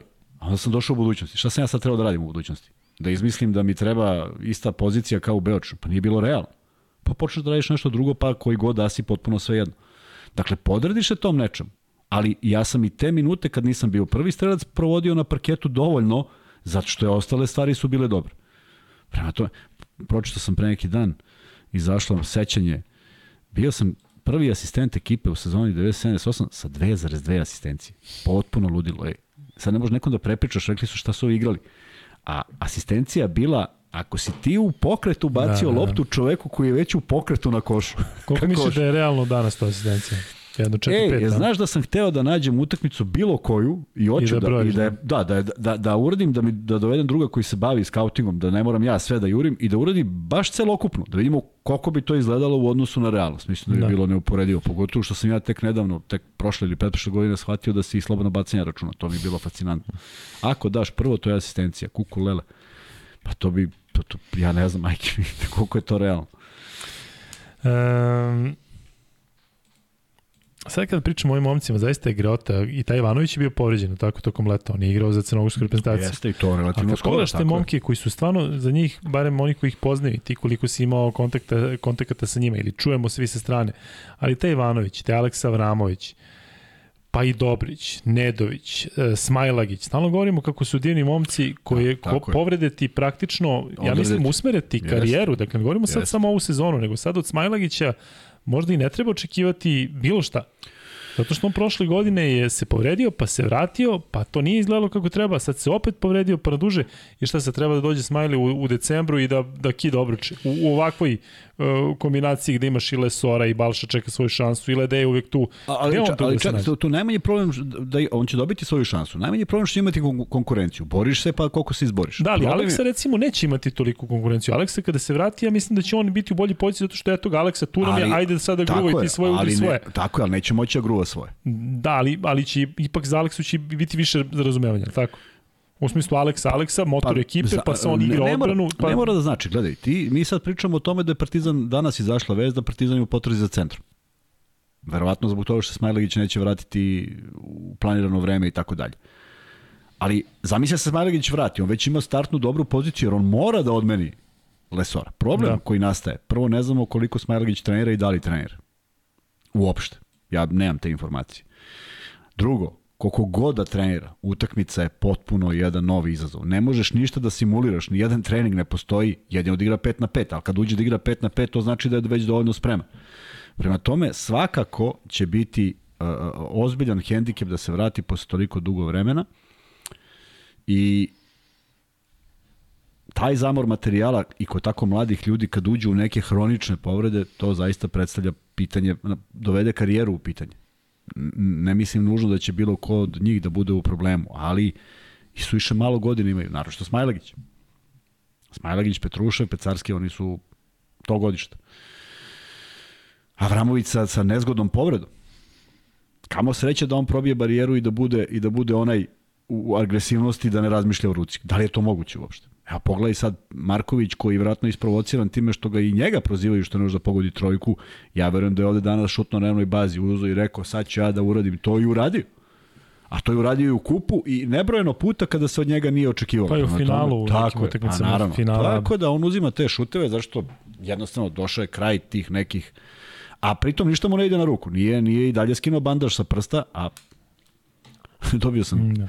poruku jednog, pa kaže, ja sam to jednom uradio, kaže, pa to je nenormalno, kaže, M kaže, koliko boli, M, M što ne osjećaš normalno loptu, pa naravno, znaš si da igraš profesionalnu košarku. Branko Lazić, pominjali smo ga, ali ajde da ga još jednom pomenemo. Dakle, ti nemaš problem sa ovim što se dešava trenutno sa Lazićem. Imam, imam, naravno da imam. Meni je on veći problem zašto nije dao ni jedan poen u nekoliko utakmica. Ne 28 poena za tri utakmice, nego ni jedan. Zato što očigledno to sve utiče na njega. Nema, nema ni najbanalniji ulaz na koš. Ja mislim nema... da je on očekivao malo veću podršku od navijača, od javnosti, od pravih zvezdaša, s obzirom to da Naravno, 10 godina naravno gine da, za Pa zvezdu. naravno da da, pa kako da te ne, kako da te ne pogodi tako nešto. Pritom pričaju o Lazićevom napadu, ljudi. Ja razumem da pričamo da Lazić ne igra više odbranu. To bi mi bio ozbiljan problem. A Lazićev napad mi nije nikad predstavljao sad nešto oko čega treba da pravimo priču da li je to bilo. Nikad nije dao 28 pojena da sam ja gledao. Ali uvek je neko bio tu. Dakle, Uvek je bio tu. Znam, seća da imao neke sjajne zakucavanja, pa i iz kontra, pa da trojku iz ćoška, pa, Upravo pa to. prođe po čelnoj liniji. E, ali sad se igra drugačije, vidi. Sad, je Lazić dobio, danas je dobio dve lopte i dve je šutnu. Treću je napravio fintu, hteo što pre doda Vildosi, prilično nekontrolisano, jer niko nije očekivao da će on da izbaci loptu iz ruke, ali on je uzao dva šuta. Možda ih je pre, možda ih je prošle godine kod uh, Radonjića bilo više, možda je bila takva akcija, šta god da je, mora da se snađe. Mora da, da, da ode na liniju bacanja. Mora da preuzme odgovornost, mora da se spusti nekom nižem igraču da odigra post-up, mora nešto sad on da, da, da, da izazove. E u tom segmentu mi smeta zato što tih dva poena njega hrani, tih četiri poena njemu daje samopouzdanje, tih šest poena on skače na glavu i ja i dalje defanzivno mislim da nema šta da mu se zameri, samo što ne može da trpi igra zvezde ako baš imaš e, Markovića koji ima problem sa rukom, Lazića i Lazarevića koji onda u tom trenutku treba da izigrava šutera, a nije po, po vokaciji to nije. I do, ljudi moraju da razumeju, ne zato što ja sad ovde zastupam nekoga, branim nekoga, uopšte ne, ali prosto Vildosa, Nedović i o, ovaj Dobrić moraju da se odmore. Pa postoji tačno moment u utakmici kada je benigno ubaciti jednu petorku koja ne mora bude napadački nastrojen. Ali mislim da generalno ljudi stvarno mnogo, mnogo, mnogo traže tih nekih momenata, zamerki za neke stvari. Mislim da se malo preteruje, sve se gleda onako ovaj, pod lupom, a nema razloga. Mm, Vanja, ajde molim te stavi jedan pol. Uh, od koga očekujete da se najbrže vrati u formu? Ajde tako da formulišem, zato što se priše ovde i priča o tome kako se čekaju i Nedović, i Lazić, i Dobrić, i ko je četvrti? Ivanović. Svi se čekaju, da. Dakle, da. Ozbiljan problem na spoljnoj liniji. tako? Dakle, to, to su igrači koji Jeste. svi su nezadovoljni, tako? Mislim, niko nije, niko nije tu neko ko, ko nema strpljenja, tako mi je dalo. Dakle, od koga očekujete da se najbrže vrati u formu i onda stavi Dobrić, Lazić, možeš kojim god hoćeš re- redosledom, Ivanović i šta smo rekli, koji je četvrti? Nedović, da. E, Kuzma za kraj, pitaju ovde zašto je dolazio Raduljica, mislim on je evo dva minuta, jel on kada je dolazio, morali su da znaju u kakvom je fizičkom stanju, tako? Zašto si sam rekao da, trebalo je, da, da je bude tako. Pre potpisa tako odrediš neke stvari sve. Kako ti dalo ovo? Ima on neku svoju ulogu i da li je tu njegovu ulogu, ta dva minuta, pet minuta, to ljudi porede trebalo da bude Kuzmićevih? Zato što ne vidim šta je moglo tu da bude mnogo različito, šta je Raduljica može za ta svojih nekoliko minuta, ne može Kuzmić. Prvo, mislim da se odigrao jedan vrlo čudan proces u glavi. Dakle, ne znam motive Doljaska Raduljice, ne, ne klubske. Klubske mogu da razumem, nego ne razumem njegove. E, konstatovati da si u formi, to sad ja mogu da kažem da sam u jednom pristojnoj formi i da na prvom kontaktu s Lazićem se raspadnem u 200 delova. Konstatovati da si u formi i biti u formi za Euroligu uopšte nije isto. Došao je verovatno kao strah da tu može da bude nekih problema na centarskoj poziciji, iskusan, zaista iskusan čovjek koji je stvarno odradio neverovatan posao i u klubskoj i u reprezentativnoj košarci bez daljnjeg. Međutim, već na prvoj utakmici na kojoj igrao videlo se da to apsolutno nije to. Da li mi deluje šest utakmica kasnije da je bolje? Ne. deluje mi, nažalost, da je lošije. A, a onda se kod njega odigrava taj jedan proces koji mora da se odigra u glavi svakog košarkaša koji drži do sebe, a to je sad ja hoću da pokažem da još nisam za bacanje. Tražio si termina. Pa, da- Staro gvožđe, staro gvožđe. bacanje, da. Ti kreneš na ulaz, a ono, ono ništa. Pa isko, ispadneš u odbrani na prvom pasu. Pa ti pot, potrčiš, pa, pa ne stigneš. E, mnogo to utiče na, na igrača. Tako da ja mislim da ne želim da budem u njegovoj glavi uopšte u ovom trenutku, zato što ne znam kako da se izađe iz ovoga. I imao sam, nažalost, priliku da gledam malo ljudi to zna i možda malo ljudi uopšte ima informaciju da sam ja tu u posljednju sezonu, u, kad sam igrao za Rumune, da je sa mnom igrao Nikola Bulatović. I sad zamisli kad ja sa Bulatovićem igram sezonu 99-2000, da je on u tom trenutku maltene, ne maltene, član reprezentacije. Čovek koji je igrao majestralnu košarku. Čovek koji je mogao da pogodi za tri, mogao da te probije sa, sa kapice, mogao da ti uđe, uđe ispod koša da, da ne primetiš, mislim, da ne, ne možeš da uradiš ništa kad je on došao do faze da je van, van, van, van svake forme. Ej, ja sam sedeo i gledao i rekao, da li je moguće da je ovo moj... Ali apsolutno ništa ne ide u ruke, sve je kontra. I onda sedneš i pričaš i sedneš da vidiš kako da izvučeš, kako da pomogneš i onda je Buli ipak malo shvatio neke stvari, pa do kraja sezone unapredio igru. Ali to je trebalo vremena, nije unapredio igru tako što mu neko rekao, pa on unapredio. E, tako i ovde sada, a vremena malo, a treninga još manje. Na sve to mi je strašno krivo, ako si sad rekao, ti si rekao, nisam ja, za Lazića, da li bi trebalo da ima više kredita. E ja sad postavljam pitanje, da li bi Zvezda pobedila sve utakmice prošle godine bilo Kuzmića? I ne mislim da on treba sad da živi na račun te slave, prosto radio čovjek svoj posao, ali ga je radio lavovski, sa svim svojim predispozicijama, manama, sa svim što ima. Da li on stvarno ne bi pomogao u utakmici protiv Panathinaikosa? Ili danas u utakmici gde ti imaš neko zaletanje igrača koji protrči kroz, obu, kroz reket i zakuca. Ja mislim da bi.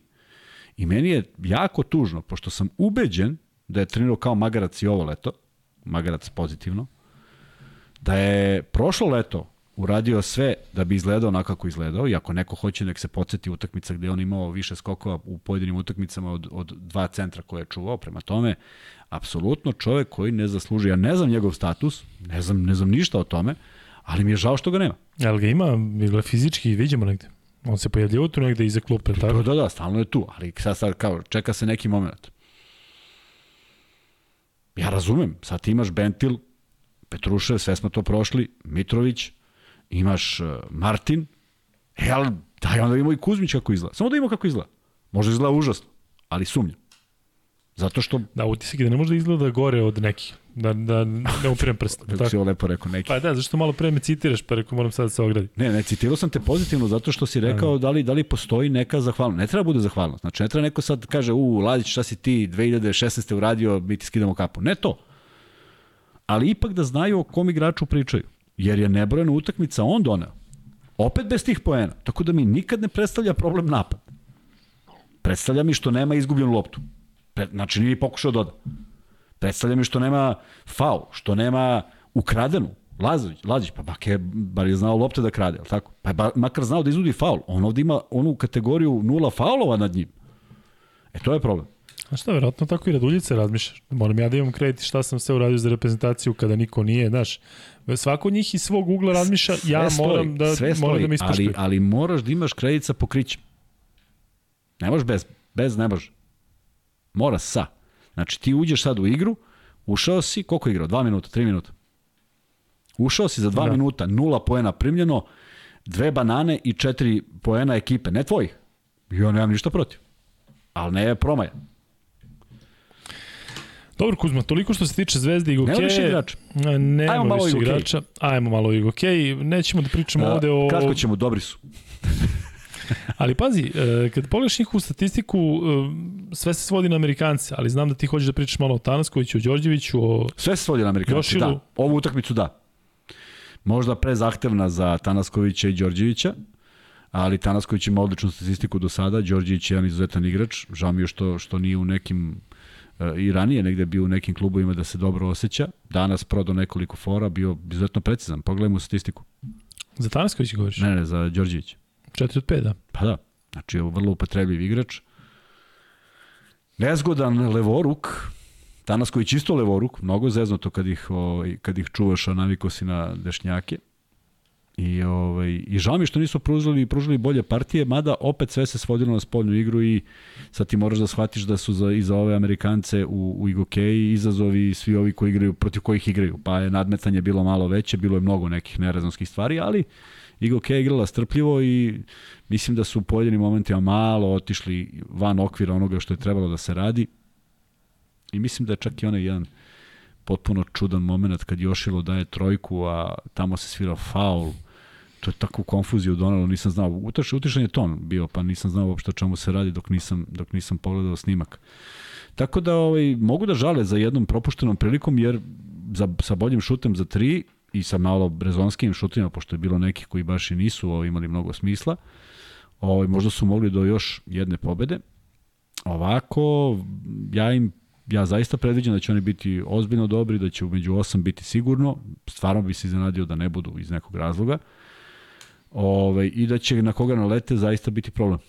Šta mi delo da im fali? Da im fali dobar Dalibor Ilić.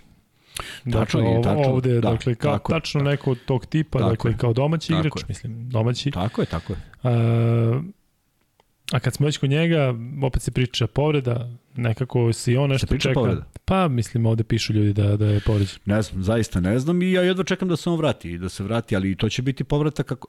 Pazi sad to. I sad zamisli, slegne se ova ekipa, evo ovako, vratio se Mitrović, evo ga Nedović malo u boljem stanju, ba, ba, bum, bam, i odjednom evo ga Dalibor Ilić. Sad opet iz početka. znači, Hmm. Zvezda će biti kompletna verovatno za dva meseca tek.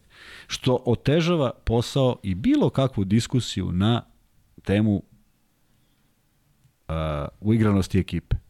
Ja znam, mnogo poruka sam dobio, pa ovo nije neka naročita igra. Nije. Ovo je preživljavanje, Zvezda igra, Zvezda igra zahvaljujući nekoj kreativnosti prilično kreativnih igrača, igra dobro zahvaljujući stabilnosti tog Bentila koji igra iz utakmice u utakmicu dobro, zahvaljujući jednoj energiji koju definitivno imaju, ali tu sigurnosti u utakmici nema. A znaš kako, koliko je imala Zvezda izgubljenih lopti?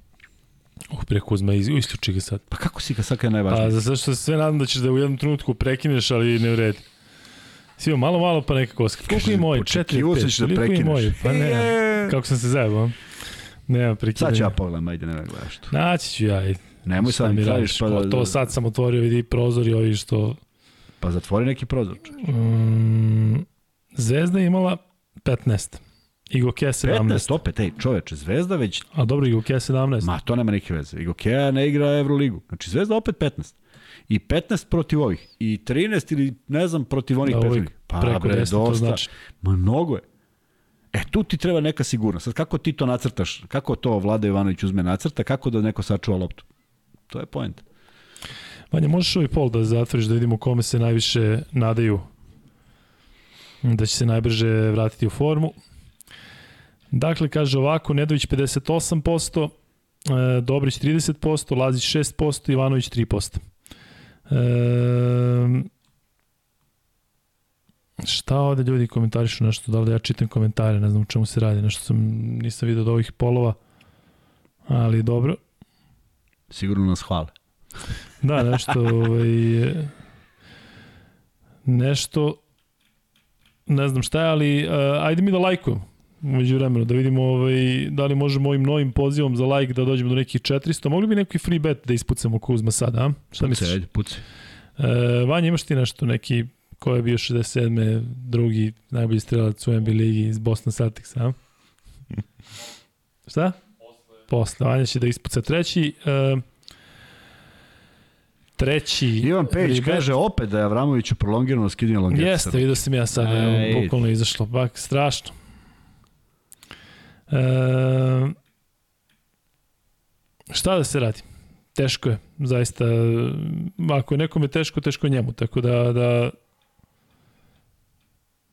ne znam. Pominjemo Smajlića, pominjemo pominjemo ovaj Smajlagića, ali dobro.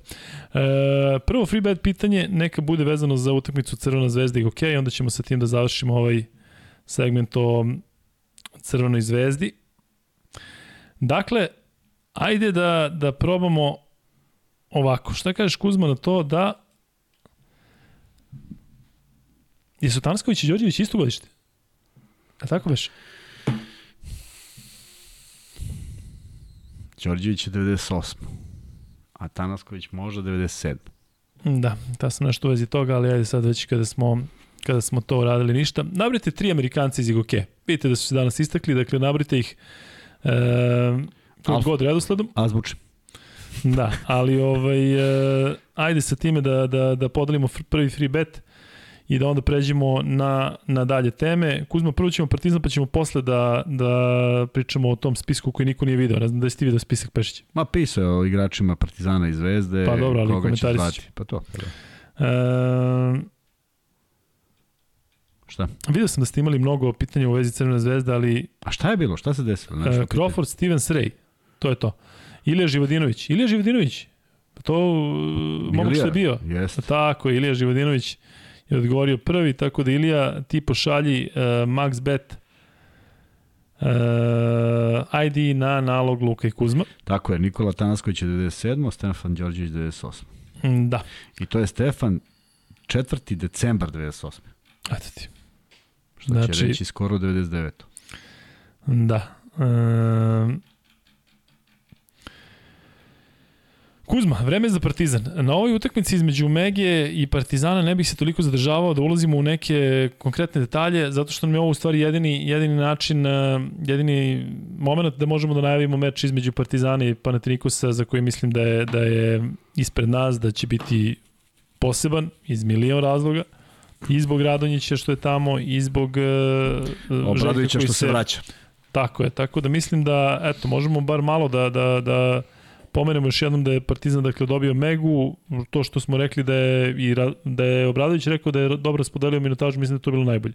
Da se onako rutinski, da se ekipa ne potroši, da se dobije, dobije meč, a da tu nema, ne znam sada, kakve neke drame ili bilo čega. Dakle, mislim da je Partizan baš onako kako su planili da se to dobili. Tako je, kontrolisali u igru cele utakmice, tokom cele utakmice, oni koji su koji žele veću minutažu i ne verujem da negoduju zbog toga, ali prosto žele, jer to je potpuno prirodno. Zamisli, ja ne želiš veću minutažu, onda džaba što si tamo. Ovaj, pokazali su i neki i košgetarski učinak i odmorili, se, odmorili su se s njihovi saigrači i svaka ta utakmica, bez obzira što se radi o jednoj utakmici protiv mlade ekipe, ovaj, mnogo znači za, za neko samopouznanje, za neki dobar potez, za neke stvari koje možda, e sad to je vrlo, vrlo bitno, A, ako ti se i desi da ti iznenadi neki potez na, NBA, na evroligaškim utakmicama, jer ipak igraš protiv igrača koji imaju i više znanja i, i klasu iznad, ovde onda te neke stvari moraš da možeš da stigneš. Pa onda naučiš kako da stigneš, pa ti onda i na toj utakmici bude lakše. Prema tome ima ima mnogo razloga zašto je dobro kada se igraju kada, kada mlađi igrači i oni koji manje igraju od mene, starije ne samo da bi se ovih zaista odmarali, nego da bi a, i oni dobili kvalitetnije saigrače koji će da ih odmene. Prema tome, ne verujem da je iko drugačije razmišljao od ovoga što si rekao da bude jedna sigurna utakmica, jedna, sigurna pobeda i to je to, to se zaboravi i ide se dalje. E, jako dobro spoređeni poeni u, u tom meču kod Partizana, dakle najefikasniji bio Nanli sa 14 poena, onda Exum 10, pa 10 Koprivica, pa 10 pa, pa Petru, Madar 9, 8 Lesor, Trifunović 6, Andjušić 5, Ledej 5, dakle baš baš onako kako treba, Vukčević 5, Dakle, niko se nije istakao i nije, niko ni trebalo da se istakne. E, bilo je lepo vidjeti Dragana Milosavljevića kako igra protiv, Da, da, da, protiv da, da, Partizana, to je uvek uvek e, zanimljivo. Međutim, jedan momak iz Hrvatske tražio da prokomentarišemo Rudana i Brankovića. Dakle, momci koji su zaista pokidali. Rudan imao 26 pojena i Jest. 9 skokova, Branković 17 pojena i 7 skokova. To su momci koji su 2001. godište, jedan i drugi imaju dakle 21 godinu, ako se ne varam, Rudan je malo stariji, oni zaista igraju već sada vrlo zrelo i da me ne shvati niko pogrešno zato što nemam nikakvu lošu nameru, ali ja bih volao da su možda lokalni igrači sada tako u prvom planu i da se ističu. E, kako se zove momak koji je e, igrao za Megu do 18 godina, napišite molim vas ko će, ko će da se prvi seti.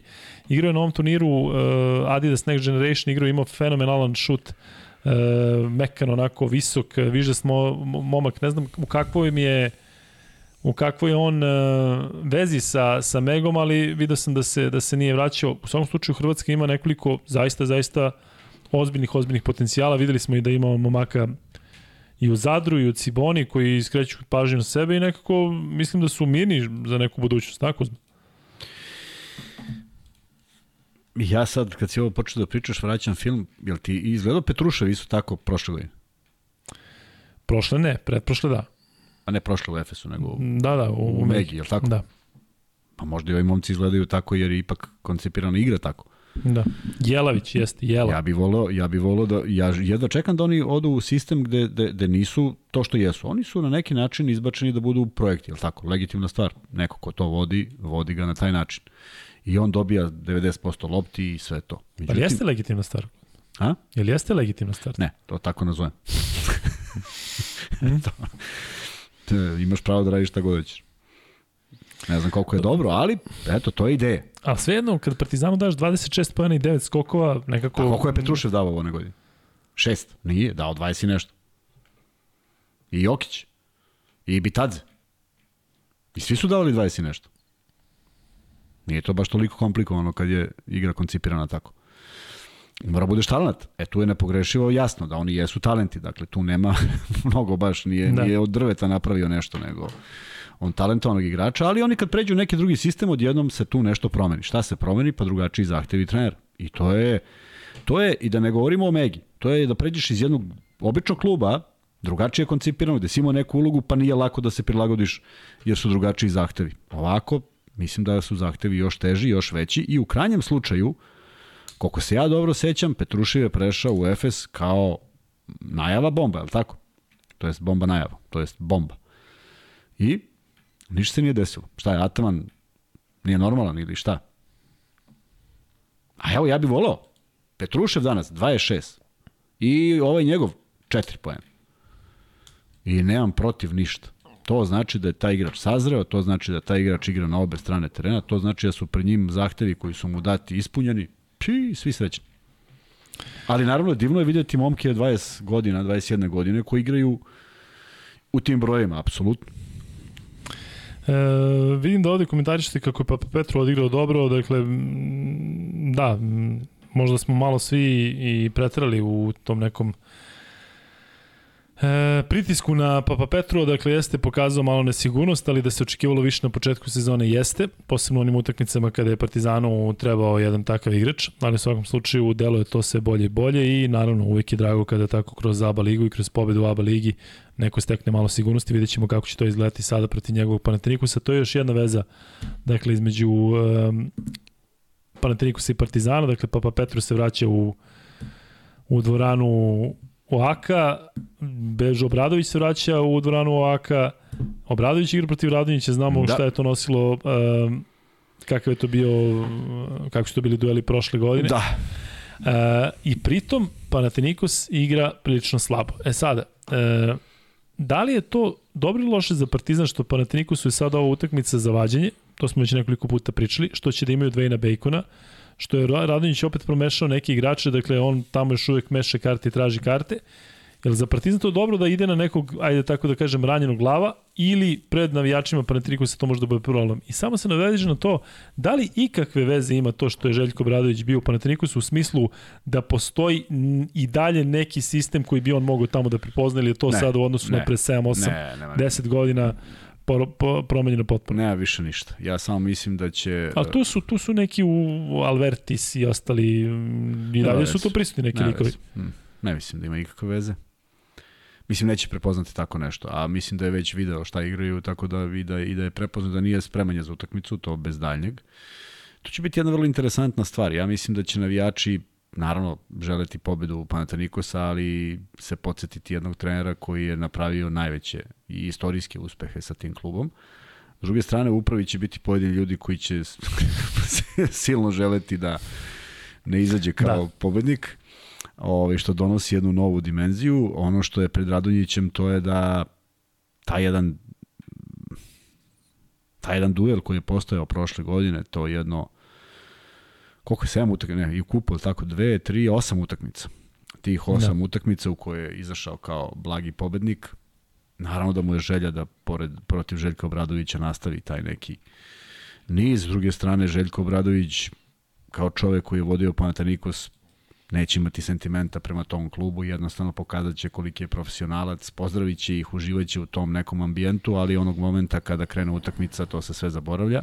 A izvini, zaboravili smo malo i da je prošlo dosta godina. Dugo je Obradović se vraćao pa, protiv se igrao sa Fenerbahčom, dakle malo malo pa su dobili priliku da ga pozdrave. Yes. A sad ima onu sezonu pauze, pa Partizan nije igrao, dakle ovo Želi sada... Da se, pošto nije, pošto nije da. radio da. ovaj, u, nigde i upravo se da je on dolazio ranije, ali uh, možda dolazi u jednom poprilično lošem trenutku za Panathinaikos, a on je taj koji je dizo Panathinaikos. Sad će to biti pomešano osjećanje, a možda se neki deo navijača ovaj, okrene i na stranu Partizana, nije isključeno iz prostog razloga što pamte šta je bilo sa Željkom i znaš kako, e, koliko god to bio jedan sporazumni ili vreme za rastanak ili bilo šta, negde, znaš, neko možda izmisli bilo koju priču da to negde tinja tamo da je on otišao zbog ovoga ili onoga i to sad postane aktualno u ovoj utakmici. Igrački, mislim da je Partizan mogu kažem apsolutni favorit daleko od toga, jer nijedno gostovanje u Euroligi ne vidim da neko može da bude apsolutni favorit, ali u boljoj su formi, bolje igraju idu posle dve pobede, Panathinaikos ide posle prilično loših rezultata i u domaćem prvenstvu i u Euroligi. Sa novim igračem, konstatovali smo kako izgleda kad dođe novi igrač u ekipu i ti sad pomisliš, da, može se desi, može to da bude jedno svetsko čudo i onda uništi taj partizan, zato što mu tako veče bilo, ali mislim da nisam baš sklon tome da poverim iz prostog razloga što će Obradović biti spreman i za tog Bejkona. I ako Bejkona bude krenulo, postojeće odbrana, kao što je bila protiv ovog, neću da ih poredim, ali kao što je bila protiv ovog momka za kojeg sad više ne znamo da li je u krizi sada ili je bio u krizi onda kada je, ovaj, kad je pogađao Rasel. Možda je tad bio u krizi. Za ovog momka više ga ne nazivamo ni imenom. Znači, zaboravio sam. Jedno vreme je bio Rasel, sad je ne, nestao ne potpuno. Viš da mi ne ide sa imenima, potpuno zaboravim. No. Viš da mi je Tompkins centar, a ja ne mogu dobacim uopšte.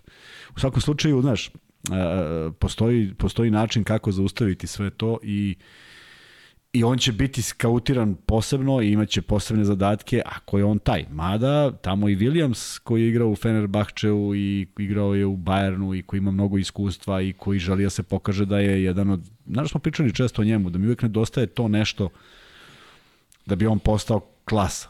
Odigra, odigra, odigra, pa ga 3 minuta nema.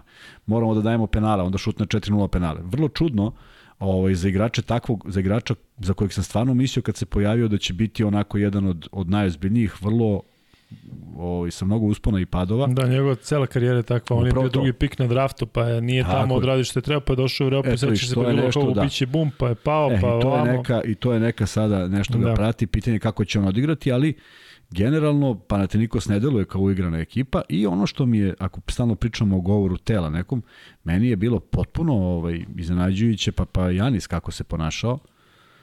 Doduše stvarno ima ono jedan maler ozbiljan, prvo jedna lopta ga pogodila u glavu, druga da, ono proš... sve ide napad. Sve se nešto napako, ali on je izašao besan, besan, bez ikakvog pozdravljanja sa bilo kim. A Papajanis je ipak neko ko, oko koga se sada, kao što je bilo oko Papa Petrova, da se nekako okretao tim, tako je Papajanis sad jedan od redkih Grka oko kojeg se tamo stvari vrte i ja mislim da je od Zaradonjića vrlo bitno da Papajanis bude zadovoljan. Mnogo, nego da, mnogo više nego da bude nezadovoljan, ali to je trenerski posao i zaista mislim da je Dejan otišao u jednom izuzetno lošem i teškom trenutku, ne zavidim uopšte. A, ima tu dosta posla, mislim da taj posao ako je u Zvezdi bio 24 sata, u Grčkoj je 26, da bi sve to pritom mm, ne znaš, tek tamo ne znaš odakle duvaju vetrovi bočni, nebočni, odavde, odande, mnogo je zeznuto bilo i u prošlosti, uopšte u Grčkoj generalno, ali, a pogotovo sada kada taj ogroman broj navijača traži izlazak iz iz nemale krize. I ovo oni bili prvaci pre dve godine, nego biha haj. Ne delo mi ta situacija kao da je mnogo popravljiva. Pa ne deluje. Ja tako? A bilo je dakle, mnogo najava da, da. i navijače, i tim, i povrede, i što ti kažeš, i taj odnos Papajanisa koji nekako možda šalje neku poruku. Tako je. Dakle, sve to ne deluje kao da sad Panathinaikos uđe u neku seriju 4-0. I zato mislim da oni poraz Zvezde protiv Panathinaikosa u stvari i najteži od svih ovih, Zato što su oni morali da onakav Panathinaikos pred svojim navijačima da dobiju, zato što bi sve izgledalo drugačije i za njih i, i, i ovam. Tako je, nažalost Zvezda bila u svojim problema i eto, da je bio zdrav taj Marković samo sa zdravom rukom, to je bilo drugačije, ovako, šta je tu je, ide se dalje, to ne može da se gleda više, ali uh, vidiš da se nije mnogo toga desilo od, od te pobede za Panathinaikos. Mi smo mislili sad Da. u, ha, ha, sad će oni da krenu, da. a ono u stvari ništa. Ali možda baš takvo pojačanje jedno koje dolazi, znaš da nekad se pojavi tako igrač koji poveže ekipu. To se desilo u Zvezdi, tako se da Losom, slažem se, slažem ali se. možda je Bacon taj neko ko Slažem će se. Panathinaikos. Mada što ti si jednom rekao, meni delo da će njima Walters više značiti kada bude Ja Walters mislim Walters. da je ovaj Sanja kad će onda se Jeste. vrati, zato što je to onda sigurno ono što on poznaje. Deo je vrlo uh, trener koji voli da poznaje to, to, tu neku situaciju i kad njemu poznata, onda on tada i najbolje radi. Sve ostalo mu nekako remeti, remeti njegovo ovaj, Bitisanje. Tako je. I, i, i što per se Walters bude vratio, da će biti na nekom svom terenu. Ovako, zaista, zaista ne mogu da zamislim mislim kako kako se to kako se to kreće i šta štampa piše i šta se priča ovde i šta se priča onda i koliko su navijači Panathinaikosa kivni s razlogom ili bez. Ja mislim bez, zato što vratit ću se ponovo. Dejan Radonjić, bog otac da je otišao tamo dole kao trener. Kad ti promeniš toliko igrača u ekipi, a pritom si bio topovsko meso prethodnih sezona, sa 4-5 nekih ljudi koji igraju košarku i vole, vole ljudi. Nije sporno, igraju lepo, to sve trče kako treba i još lepše trče, ali nikakav rezultat, baš nikakav. Ne je loš, nego, nego ne znam, ne znam u šta može, s obzirom da su imali to što su imali, da su bili to što su bili. Da su oni bili uvek neki proščan klub, a to neko ne bi ni primetio, ne bi niko ni pričao. Ovako, a Olimpijakos raste. Ja mislim da bi još gore bilo da Olimpijakos dobio i tu petu, pa da su zaseli na čelo tabele, tek bi to bilo, jer bi onda bili vrlo blizu diametralno suprotnih na tabeli. Što ovi svi gledaju. I ne kupuju novine, verovatno, i navijači Panathinaikosa. Kuzma, kakvu utakmicu treba da očekujemo? Videli smo da Partizan igra na veliki broj šuteva, bar na početku sezona, na veliki broj poena. Drugačije mi izgleda, drugačije mi izgleda i Žalgiris, drugačije mi izgleda ta utakmica. Da, i Mislim da ove je što su dobili, da. mnogo odgovornije, u smislu ne mnogo odgovornije da me ne shvati neko pogrešno, mnogo što više ceni lopta. Ne ide baš svaki napad da mora da se šutne iz bilo koje pozicije, nego jednostavno kao da su malo produžili napad, ako tako mogu da kažem. Naravno, kad je neki panter ili neko u kontri, što da ne. Ali vidim da, da, da, da prve četvrtine su i možda i najbolje bile u obe utakmice. Faulovi su počeli da bivaju vrlo bitni i vrlo konkretni i u pravom trenutku i to ti je već to su već dva plusa ako mene pitaš kako ja posmatram košarku. Tako da ako uđu samo sigurno jer Partizan ne treba tamo da vodi. Tamo Partizan treba da bude u prednosti ako može, da bude u egalu, da drži pod kontrolom rezultat i da čeka nervozu jer Partizan neće imati nijedan, nijedan razlog da bude nervozan. Naprotiv, imaju sad dve pobede želim da verujem da su one utakmice koje su odigrali i oni propusti da se neće ponoviti. Dakle, oni sad moraju da pokažu tu jednu zreliju igru u svakom segmentu i da kontrolišu rezultat, ka baš kao što su, jeste, jeste su, nije, nije uporedivo mega, ali svi mi koji smo igrali košarku znamo da postoje utakmice da možda odreš na 20 i, i već i, i ti si u panici da to 20 možda padne. A imaš one utakmice kad je 8 i 8, pa onda malo 7, pa onda malo 9 i ti prođe 40 minuta i nikako nije palo ispod 7. Eto, to je to. Um, kada pogledamo Partizan sada, ove vratit ćemo se na Panathinaikos, kada pogledamo Partizan ove i prošle sezone, sećaš se u ovom periodu je Partizan bio onako prilično nestabilan, a sada sa ove dve pobede Partizan zaista i ono što smo pričali ranije deluje mnogo ozbiljnije od Zvezde, kompaktnije kao ekipa. Da li ti ovo deluje da ide svojim tokom, da Partizan zaista raste na oba fronta i da recimo zaista je bio onaj težak, težak u smislu e, poraz od Baskonije utakmice koja je mogla da se dobije, Partizan deluje sada kao jedan onako ozbiljan, ozbiljan protivnik. Evo, ja sad govorim konkretno. Panathinaikos Partizan iz popuno objektivnog ugla. Partizan je favorit u ovom meču, tako? Ja sam rekao da, zato nisam rekao apsolutni, ne možeš da budeš u Grčkoj bilo gde, ne možeš da budeš apsolutni, ali jeste favorit. A, treba da uzmemo u obzir da su dve utakmice odigrane kod kuće, što je plus. E sad, pokazati... Izvini, prekidam te sad zašto ću zaboraviti, jel ti delo je da to što, što je Partizan igrao uh, potpuno drugačiji ritam, da ima veze sa što je igrao na strani i što je igrao kod kuće, delo je se da su se uzbiljili na svom terenu. Zato što su primili stotku od Albe na strani, pa je primljena stotka, o, skoro stotka, dobro, posle produžetka protiv Baskonije, znači nekako kao da su raštimovani na strani. A ovo sad u areni, ove posljednje dve utakmice... Ne, mislim da je Baskon je bila u svom elementu, u kojem neće biti. Sumnjam da će ta ekipa biti, evo, mislim, mnogo zavisi od Howarda, onda je Howard sledeću utakmicu šutno nešto I katastrofalno. Howard, ja mislim da nikad si- više neće... Ti si prenosio utakmicu, je li tako? Pa da, ovo sad što je... Znači prvo je dao Partizanu XY, a onda Da. Zvezdi Z. Da. I od toga više ništa. I ja samo želim da je on zdrav, da ulepša košarku, ali, ali prosto ono je bilo šutiranje za, za, za neke Guinnessove rekorde.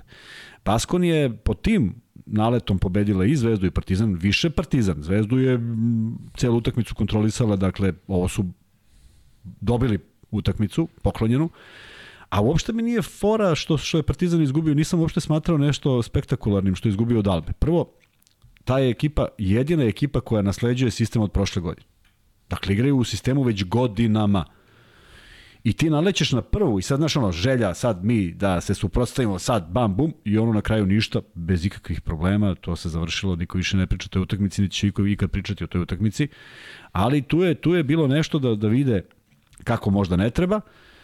E sad je ispit na gostujućem terenu. Ovu zrelost koju su pokazali pred svojim navijačima, pred uh, punom dvoranom, ja sumnjam da će ovaj da će dvorana ovaka biti biti nešto puna. Pa ja mislim da će do, doći mogu stvarno da, mnogi zbog željke. Da, da, mogu da dođu iz tog razloga, onda je da. pitanje da. kako, da. Će da, kako će da reaguju na rezultat. A, ne znam koliko je sad dobro da ovaj dođe puna i da onda Željko koliko je dobro za Dejana da, ovaj, i, da, i da taj rezultat ide u korist Partizana, to će onda bude halabuka ozbiljna na, na, na tribinama. Ali to su njihovi problemi. Željko je jednostavno na onoj konferenciji za štampu pokazao, rekao, to sam, ti ne znaš što sam stavio, pokazao sam ti, stavio sam na našu priču zato što ovaj, za faulove, da faulovi čine inteligentne igrače opasnijim i onda ja to pričam ali to nije važno što ja pričam kad kaže Željko to ima veću težinu i meni je to potpuno. Okay. Ne mora niko da, ovaj, da, potpuno mi je jasno zašto ljudi tako gledaju, ali meni došlo kao lep šlagvort, pošto ako nečemu pričamo o ovome i ako se neko šali na moj račun ili mu smeta to što pričamo o faulovima, evo, napokon mi je svanulo što je to još neko vrlo bitan rekao. I odjednom si video drugačiju ekipu. I se slažeš da su i protiv Virtusa i protiv mm, uh, uh, Žalgirisa u tom segmentu delovali apsolutno besprekorno. Znači da. možda je bio jedan izlet ovamo nama, ali to se dešava. Prema tome, to su vrlo bitne stvari i mislim da to polako leže ovaj, u Partizanu, ali činjenica da opet neće biti, eto, Ivan nam je javio da, da nema Avramovića, produžio je Longetu, Smajlagića nema, dakle, faktički Partizan u istom sastavu ide u Atin. Da, uh, Panathinaikos se mučio sada za vikend. Uh, Protiv Kolososa, da. Da, oni su odigrali meč gde su izgubili treću četvrtinu nešto ubedljivo, sad ću probati to da nađem, ali ono što sam isto ispratio i žao mi je što je tako Stefanović igra baš malo, znaš Kuzma. Da, vidio se. Kolososu, dakle, ako je odigrao 3-4 minute, dakle, i mislim da nije stigao ni da šutne. Uh, ali Partizan, odnosno Pantriku zaista deluje jako loše. Dakle, ja ne znam, ne pamtim ni jednu njihovu dobru utakmicu, čak i ta protiv Zvezde, nije da kažeš bila dobra da su oni dobili, nego jednostavno Zvezda ih ispustila. Tako da mislim da je ovo pravi, pravi moment da Partizan veže treću pobedu za redom Euroligi. Mislim da bi to bilo zaista senzacionalno. E, I onda, dakle, sa tom, sa tom energijom e, da uđe u naredni meč, pošto i sledeći meč u Euroligi igre protiv e, grčke ekipe, igra u Atini protiv Olimpijakosa. Tako da sve u svemu kada vidim ovu braću Kalicakis i kada vidim sve ovo tamo što se dešava, to zaista, zaista deluje, deluje skromno. E sada Nate Walter se vratio, to si video? Nisam. E, dakle, Walter se vratio, bio je u ekipi sada protiv... E, Kolos. Da, ali odigrao je nekoliko minuta, što znači da ni sad ne treba očekivati da nešto on bude u 25 minuta, ne znam kakvom nivou.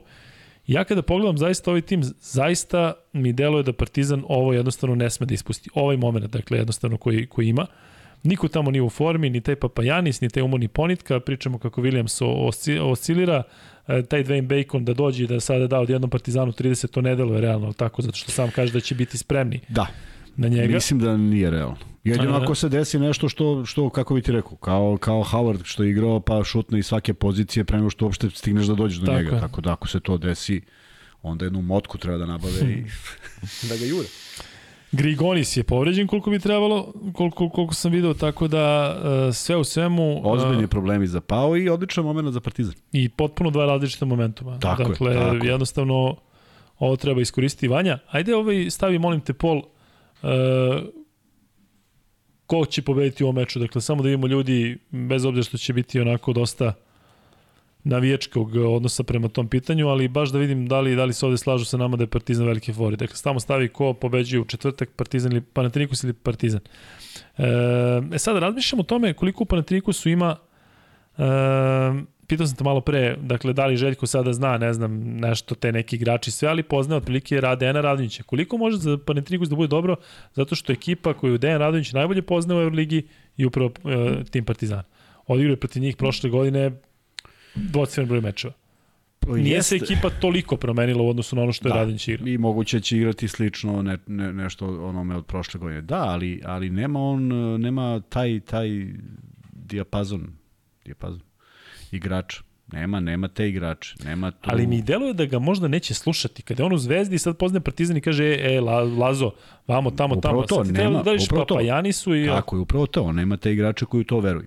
Pa, pričali smo nedavno Čikaranko Žerovica. Mogu da vam dam najbolji sistem na svetu i da vi u njega ne verujete i nećemo ništa raditi. A mogu da vam kažem da igrate leđima okrenuti protivniku i da odbranimo koš jer vi u to verujete. Uh, on ne može da ima igrače u koje veruje. Stvarno misliš da je neko trenutno u takvom položaju da posmatra Radonjića kao čoveka kojem daje potpunu podršku.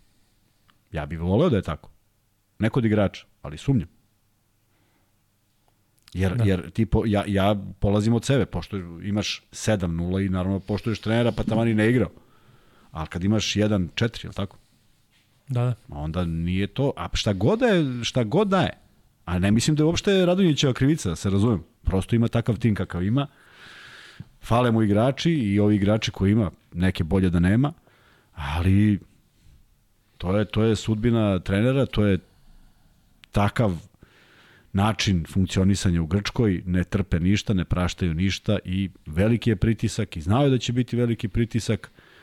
Iskreno, kada je dovoj, kada je sastavljan, sastavljana ekipa Panathinaikosa, ja nisam video apsolutno ništa što me baš sad fasciniralo u celoj toj priči. Uh, kojim su budžetom raspolagali, otkud, otkud Gudaitis u celoj toj priči, ni to mi nije jasno, ali tako funkcioniš.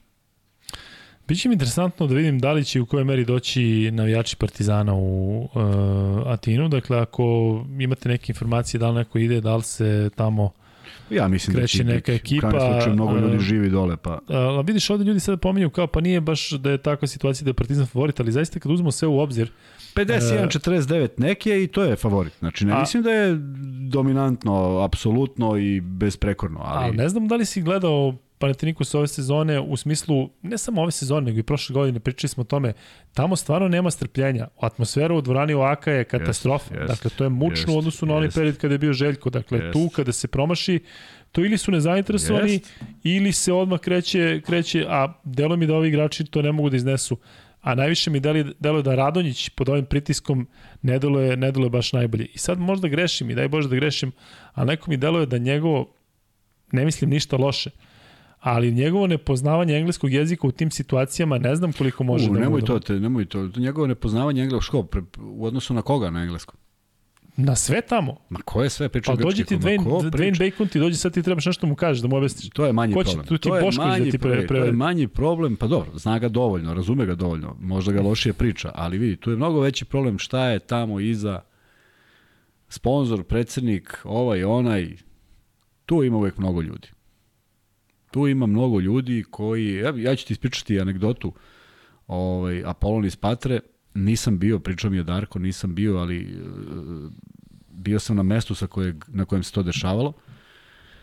A, Darko je došao za trenera i krenuli su na prvo gostovanje, negde u pola sezone. I krenuli su na prvo gostovanje i ovaj i penju se, to je jedno divno, divno, zove se Haja Klaus, jedna vinarija na vrhu patre, znači ideš onako, oh, oh, oh, penješ se gore.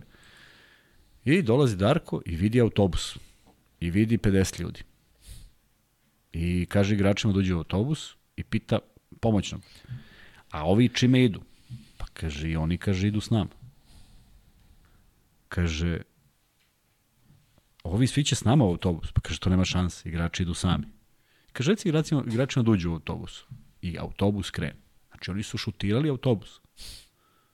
Oni su o Darku pričali šta god hoćeš. Oni su Karapano sa predsednika zvali, to je, to je, to je trajal. A ovaj majstor rekao, je vam to Darko rekao? nema problema. Znači, to je bilo neko poverenje koje si izgradio sa predsednikom i onda niko ne može da dira. Ali hoću ti kažem, to su ozbiljni ljudi koji su od tog momenta, Darko, Darko i protivnici, jer nisu ušli u autobus. To se dole na taj način ovaj, manifestuje, tako da kad ovako krene, Ne bi, ne, ne bi me čudilo da je njihov sportski direktor tamo zato što je tu da čeka na stand-by. A u pitanju je Pedulakis. I Pedulakis koji je uvek bio na stand-by, bilo u kom klubu. Ne bi volao da je tako, a tako mi deluje. Možeš Vanja da zatvoriš ovaj pol, pa da vidimo šta ljudi kažu. 66% Partizan, 33% Panathinaikos. E, takođe prednost Partizana i taj Papa Petru koji će sigurno da neke stvari kaže individualno igračima, barem onima koji su ostali od prošle sezone i e, kažem nekako se sve namešta da Partizan konačno dođe do pobede, prve pobede u Euroligi Na strani, da. Samo da Papa Petru ne krene u onaj obračun što imaju igrači obično rade, ali kažem, deluje mi mnogo iskusnije i pametnije nego, nego pojedini da on sad krene nešto da dokazuje da li je on srećan zbog odlaska ili nije, da li je to prošlo sve kako treba, znaš, ima tu različitih priča i svega, tako da što manje on razmišlja o tome, to će biti bolje. E, Kuzma, ajdemo malo da pričamo o Partizanu, o pojedinačno igračima koji su, koji su trenutno u formi, čini mi se da su svi manje više u, u nekoj dobroj formi. Od koga, da, recimo, očekuješ još više? Da li od nekih ovih novih pojačanja, da li, meni je Exum za sada sasvim okej. Okay. Dakle, ne znam, kada bi me neko sad pitao, pa ko ti je taj, i zato što u Zvezdi pričamo, fali, je li tako? Čekao se Nedović, čeka se Dobrić, čeka se Ivanović, čeka se, dakle, non stop se neko čeka u smislu da, da krene neka forma ili neka minutaža. Holand, dakle, nešto, sve ih nešto čekamo. U Partizanu mi deluje da nema nekoga ko, ko, ko, ko se čeka. Tako je, Koprivica, Koprivica, tako je, Koprivica kada ima minutažu, on gleda da to iskoristi. Dakle, ovde igra minut pa ne može da uradi ništa. E, vidite, treba, treba računati sa još jednom bitnom stvari. Da nosioci igre i dalje predstavljaju dvojac od prošle godine. Zvezda nema nosioci igre od prošle godine. Govoriš Panteledej? Da. Zvezda ima Dobrića koji je ušao na prvu utakmicu da. protiv Penikosa i potpuno je van forme. Nema, nema više ni jedan drugi i ima Mitrović, pardon. I on opet nije, i on je opet sad povređen. Dakle, e, ovde su ipak Panteri gledaju neko ko je, ima dar. Znači, trojac na tri pozicije, na tri vrlo bitne pozicije u ekipi koji su ipak u nekom sistemu. Exum koji je dobio ozbiljnu slobodu, ja mislim da on još uvek traži neku svoju poziciju. Mislim da može da igra podjednako i na 3 i na 1, pa možda čak negde u nekim segmentima i da mnogo lakše uđe u utakmicu sa pozicije 3, mada Obradović kad je egzom na kecu, on odmah pokuša, naročito ako čuva niži igrač, odmah pokuša da, da to poentira i da uradi sve da, da, da ubaci playmakere u problem. Uh, Lesor, jedino što možda mu se desi to da bude sa manjom energijom, jer neće moći da nastavi ovako, toga je svestan i Obradović, ne može da igraš iz, iz, iz, iz utakmice u utakmicu 38 minuta, prosto negde u nekom momentu pukreš. Uh, ali on to sve radi fenomenalno i još mislim da ima mesta za napredak u nekim momentima kada se odluči za neku neku akciju koja, koja se ne dopada Obradoviću, međutim, apsolutno pokretač ekipe i ta energija, dakle, ako su to ovde, na primjer, Lazić i Marković ti koji skaču i padaju ili onaj Rudi Fernandez kojeg smo spominjali u, u, u ovome u Realu, e tako je Lesor, neko ko stvarno pokrene ekipu jer skoči četiri puta istim intenzitetom, iščačka loptu, skine, da, koš, svaka čast, zaista, ne mogu da kažem da sam očekivao posle onog izdanja u Zvezdi, svakako nisam, ali evo, on drži nekako igru Partizana. E sad, tu ima, gledali smo Nanelija koji je bio Naneli, nije bio Naneli do, do, do one utakmice kada je, kada je ovaj, kad je posle Baskonije, kada je došao Virtus, kada je on postao ono što njega Željko traži. Uh, Uh, videli smo Andjušića sa jednom igrom koja na momente zaista bude besprekorna. Rezon, izbor šuteva, brzina šuta, brzina razmišljanja, sve bude fantastično, onda nekako upadne u oči ta neka, neka njegova izgubljena lopta u odnosu u moru izgubljenih lopti, ta nekako upadne u oči. I vidim da i ovoga puta nije imao neku veliku minutažu protiv Megi, ali svakako čovek koji može da donese 10 poena u, u 2 minuta. I treba da bude spreman za svoju ulogu i treba da se svi oni malo ovaj, da shvate šta treba da rade na terenu i ako se to dobro podeli, ako ne bude onih koji traže više, to će sve funkcionisati, ali si potpuno u pravu da u suštini nema igrača koji je van, van tima, van te neke svoje Možda očekivane igre. malo, da, da, Pa da, jeste jer da, još da. uvek luta, znaš, malo mu možda nije jasno kad uzme bam, bam, bam, bam, da 10 Da. poena, zašto baš ne nastavi, ali u krajnjem slučaju ne zato što je Željko Obradović u pitanju, prosto ne treba pitati nijednog trenera zašto je on to tako video, zato što valjda bolje zna. E, možete sada da krenete postavljate pitanje u vezi Partizana, zato što je, vidite koliko brzo pišete i šta se sve dešava u smislu zaista je teško ovaj, A šta se dešava? pa dešava se u smislu da, da jako brzo ide chat da A. ne možemo da vidimo šta i kako Koliko ima ljudi? 300. koliko? 950 Ajmo like onda jedan, da stignemo do 200. E, hajde, Kuzma, po, pozovi, uh, ajde ovako, ti pozovi Zvezdaša, ja ću Partizanovce, pa da se sad Ne, tu ja kao ću stvori Partizanovce neki... ja pozovem. Pa neće niko da lajkuje. Jok neće, ali ali, ovaj, ovaj, Kuzma pozove Zvezdaša, ja pozivam Partizanovce i sad kao vi se utrkujete u lajku. evo ovako, narednih ajde, 5 minuta molim sve Uje. navijače Partizana da lajkuju. A onda će Luka da pozove sve navijače Zvezde E, ajde posle baš da 5 idemo. minuta. Ajde. Ajde. Dakle, u narednih 5 minuta lajkuju navijači Partizana na Kuzmin poziv. Pa da imamo dok ćemo da stignemo. Da vidim. Sad ćemo kao mi da ih, da ih kao Samo bez, nasankamo. bez da de ih lajkova. Bez de lajkova. Da, ovaj, sad kao ja i ti smo napravili taktiku da, da dobijemo lajkove. Kako smo ovo smislili, a? Neverovatno, da, evo već, već ima pet lajkova manje. Ove, e, I, i, i 400 ljudi otišlo. da. E, koliko Partizanu može da znači taj meč protiv e, Zvezde? U smislu Panathinaikosov, kada, recimo kada si bio igrač, kada se skautiraju protivnici i kada gledaš neke mečeve, da li je bitniji taj poslednji meč protiv Kolosusa ili ajde da vidimo protiv Zvezde kako je to izgledalo da, da, da tu neke stvari radimo? Zato što ja recimo sada da, da sam neki ovaj zadužen za video u, u ekipi Partizana, koji uzmeš video? Koji sad uzmeš meč prvo, da neki toliko meč? ima svega toga da ja mislim da možda izbombarduješ Obradovića sa 16.000 tih isečaka i čega god. Ali negde, sad vraćam se u neko moje vreme. Voliš da vidiš kad je pobedio, što E, je to i- mnogo to bitnije. Tako je, što je mnogo bitnije. Kad je pobedio, ali ne kad je pobedio nego Izvini, kad je zato što pobedio- protiv Makabi recimo ili ko nije prikazao Panathinaikos ništa. Tako, šta gledaš? tako, je, tako. je. Treba i to pogledati. Treba pogledati one dobre delove, ali kažem, to je sad toliko tehnologija došla, ti to sve imaš i sečeno. Taj čovjek koji radi taj scouting, on to i seče bukvalno posle utakmice i to je sve servirano. Tako da, treba vidjeti šta je kad ekipi ide dobro, a vrlo je bitno znati šta raditi kad ekipi ide loše. Zato što su to takođe bitni momenti kako nagaziti tamo da je najviše boli i potpuno ja, ja uopšte za, za trenere, iskreno govoreći sad, za trenere s ovog područja i ne samo za Željka Obradovića kao najtrofejnijeg, nego čak i za Dejana Radonjića sa velikim brojem trofeja ABA lige i sa Vladom Jovanovićem za kojeg smatram da je sasvim dobar trener, ne mogu kažem odličan jer će to on pokazati, ali u ovom trenutku u njegovoj karijeri vrlo posvećen, konkretan, zna šta radi, a mislim da nema iznenađenja. Da sad neko je na nešto napravio što nije video. Naravno, ima tu nekih finesa koje znaš više ili manje, neke stvari koje ti možda šapne i pomoćni trener, neke stvari koje ti sinu na toku, u toku utakmice, to je sve kvalitet koji donosi trenerski posao, ako to neko vidi. Bilo je strahovitih teoretičara trenerskih koji kad dođe utakmica potpuna blokada. Potpuna blokada. A bilo je onih koji nisu znali da, da osmisle trening, ali kad dođe utakmica to vidi četiri poteza unapred. Prosto tako se desi.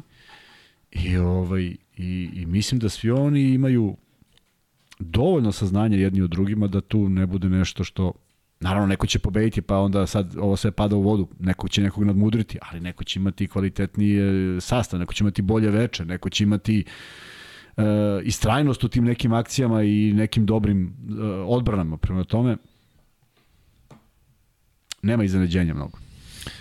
E, da li je Partizanu potreban play pored centra? Pitanje za obojicu. Apsolutno, ja mislim da je potreban play i zaista mi se smuči kada vidim recimo da taj Kampacu koga smo pominjali svi, a verovatno nije bio ni u jednom trenutku ni u kakvom kontaktu sa Partizanom, ali on tamo u Dallasu ne igra ništa, taj Tyler Dorsey ne igra ništa, dakle ne znam da li uopšte, mislim da Dorsey nije ušao sada protiv u ovom posljednjem meču što je Dallas dobio sinoć, e, mislim da je čak e, prebačen za G ligu, Kampacu sedi na klupi što je mučno gledati ako znamo da je on bio Dončiću neko koga je možda u nekom trenutku usmeravao, odnosno bio je tu sa Dončićem u dobrom delu njegove karijere dok je bio ovaj u Realu.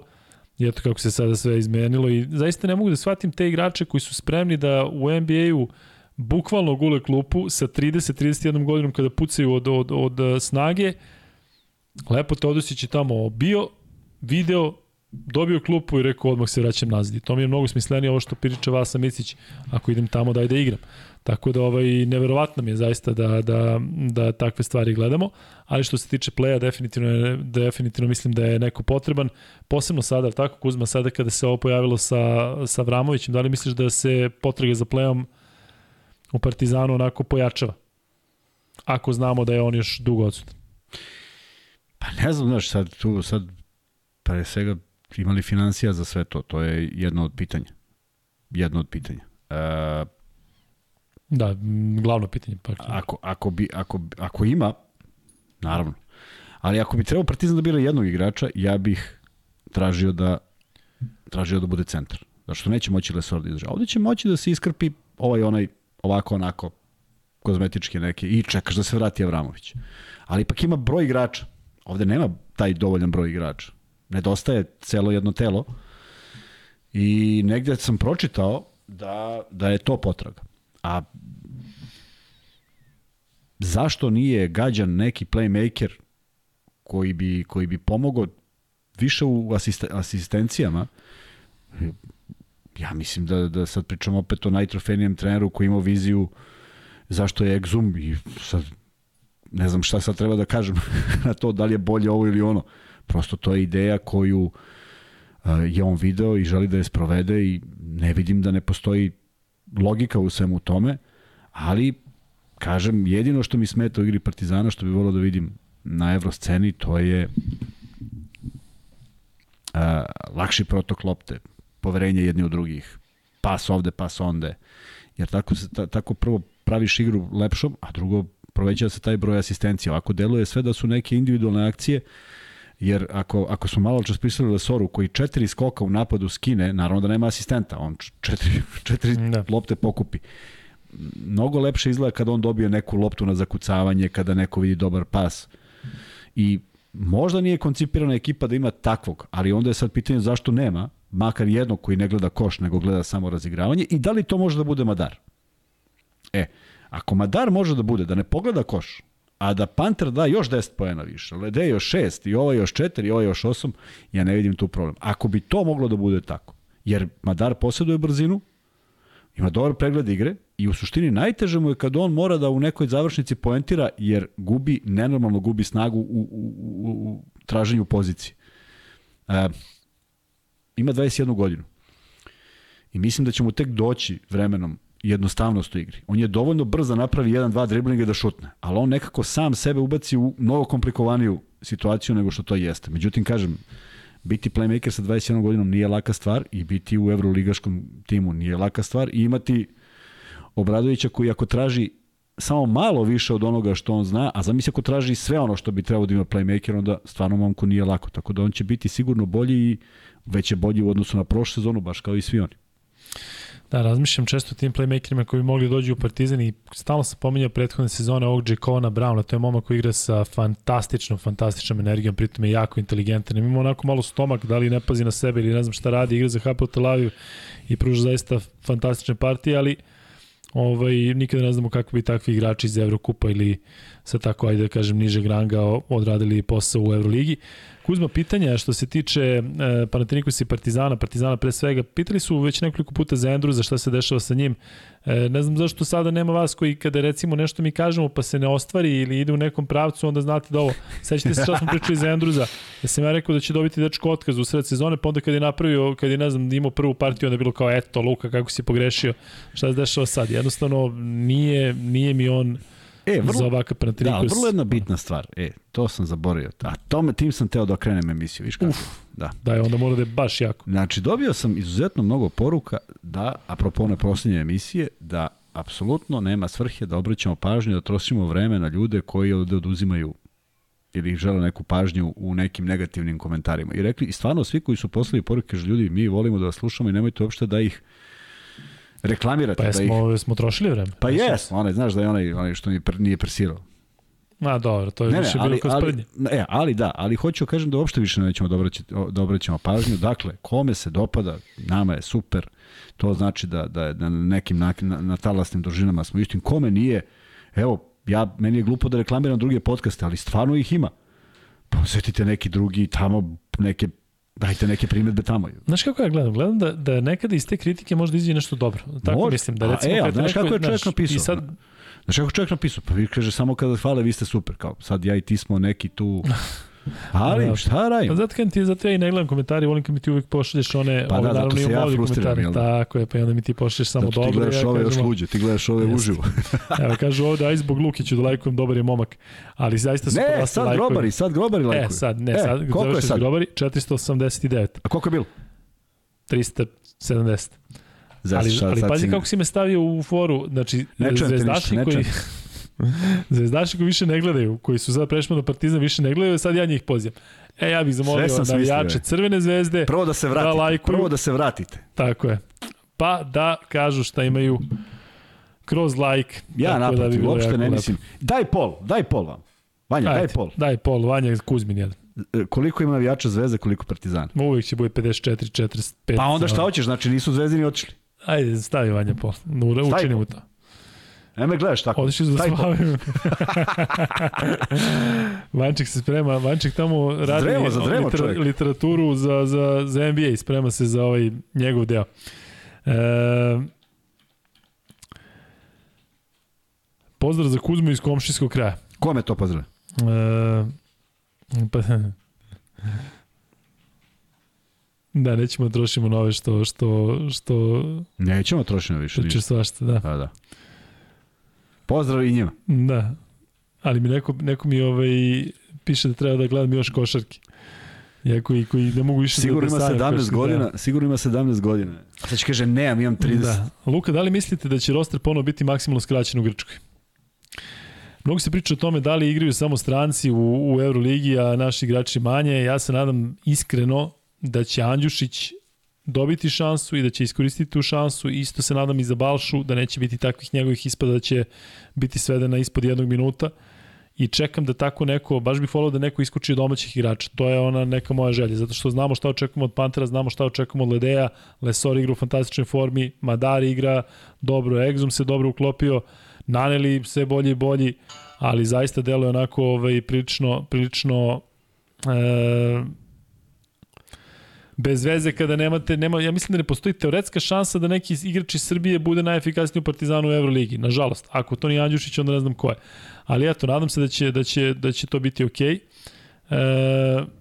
E, slušaj, ovo, Kuzma, mislim da, da ovo, ovo je redovan, mislim da nije toliko loše. Ali Kuzma, mogo bi malo manje da uzdižeš domaće igrače, kritikuješ strance, baš para uši. Hm? Jel imaš te osjećaj? Možda mislite samo na Partizan. Ali sad, stvarno me zanima, kojeg sam stranog igrača, Kada uzdišem pričaš tako. pa ko, koga nisam uzdizao? Šta sam pričao, šta pričamo o Panteru inače? Šta sam rekao da je loš? Ili o Naneliju? Šta, aj, baš me zanima, za kog igrača sam rekao, a uzdizao sam domaće? Ne, ne.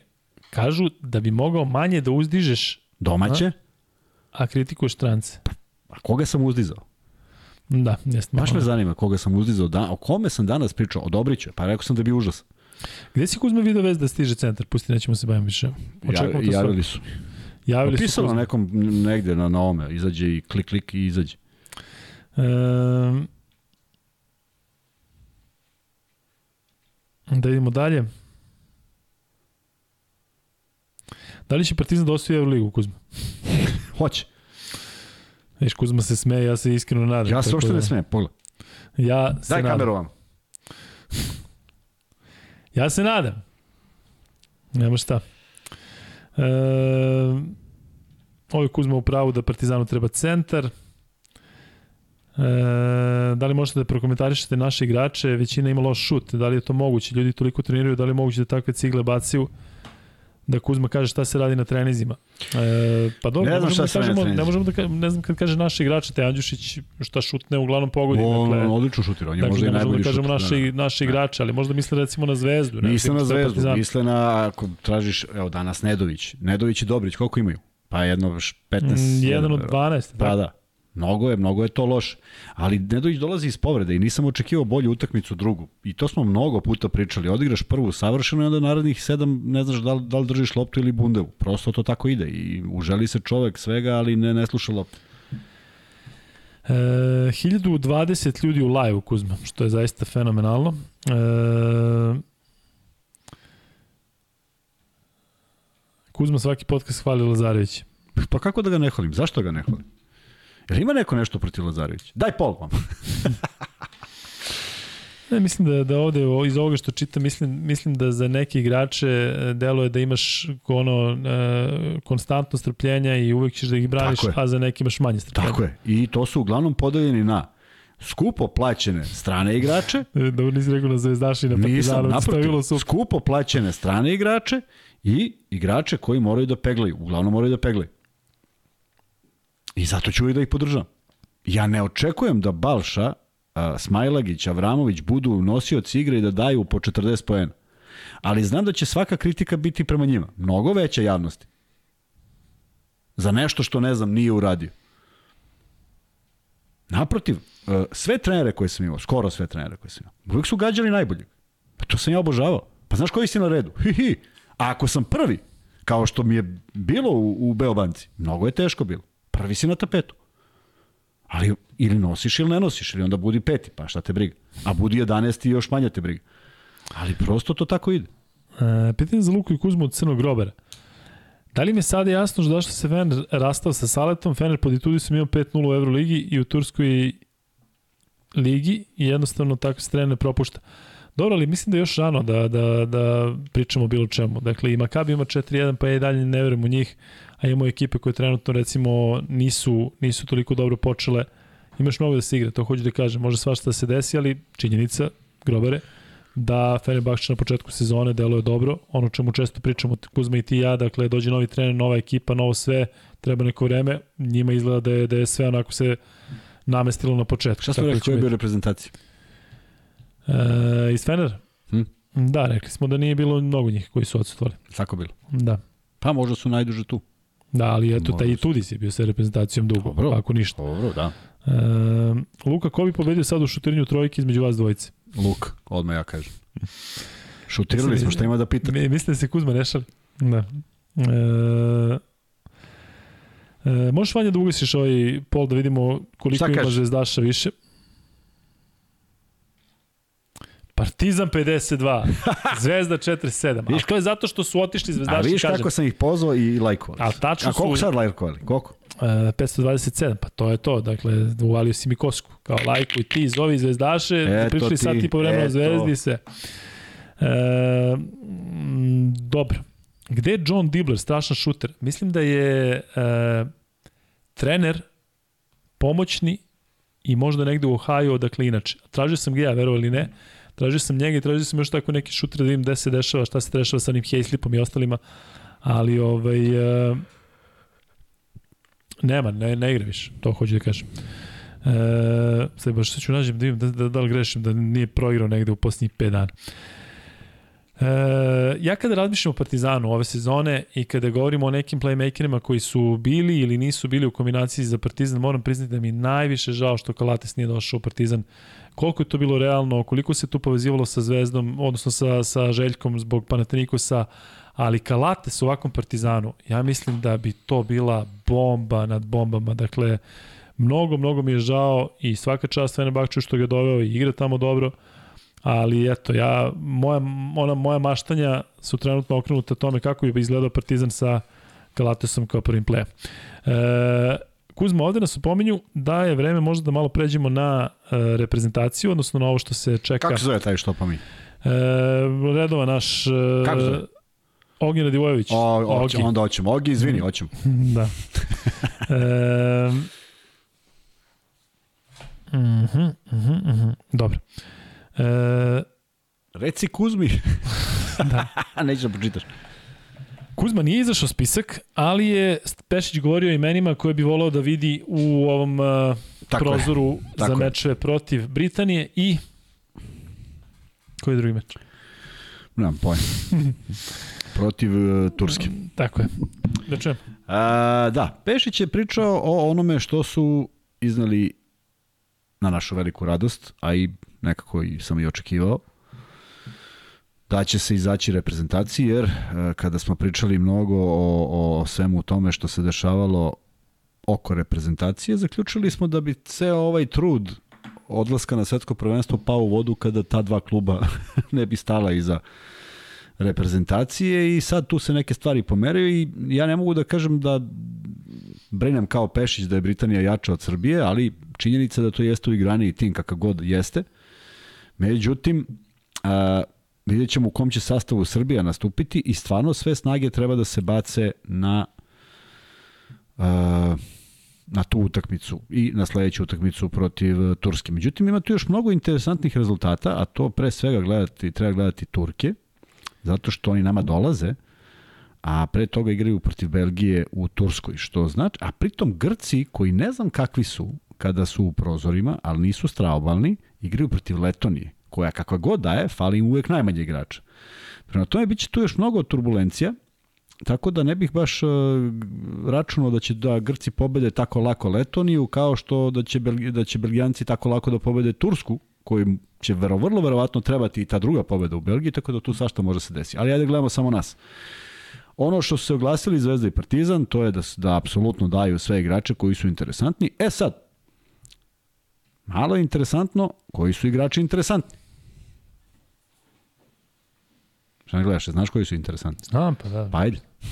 Iz kog? Iz Zvezde i Iz Partizana? Zvezde i Partizana. Pa iz Zvezde. Tri su, ja mislim, samo iz Zvezde. Topić, šta su rekli?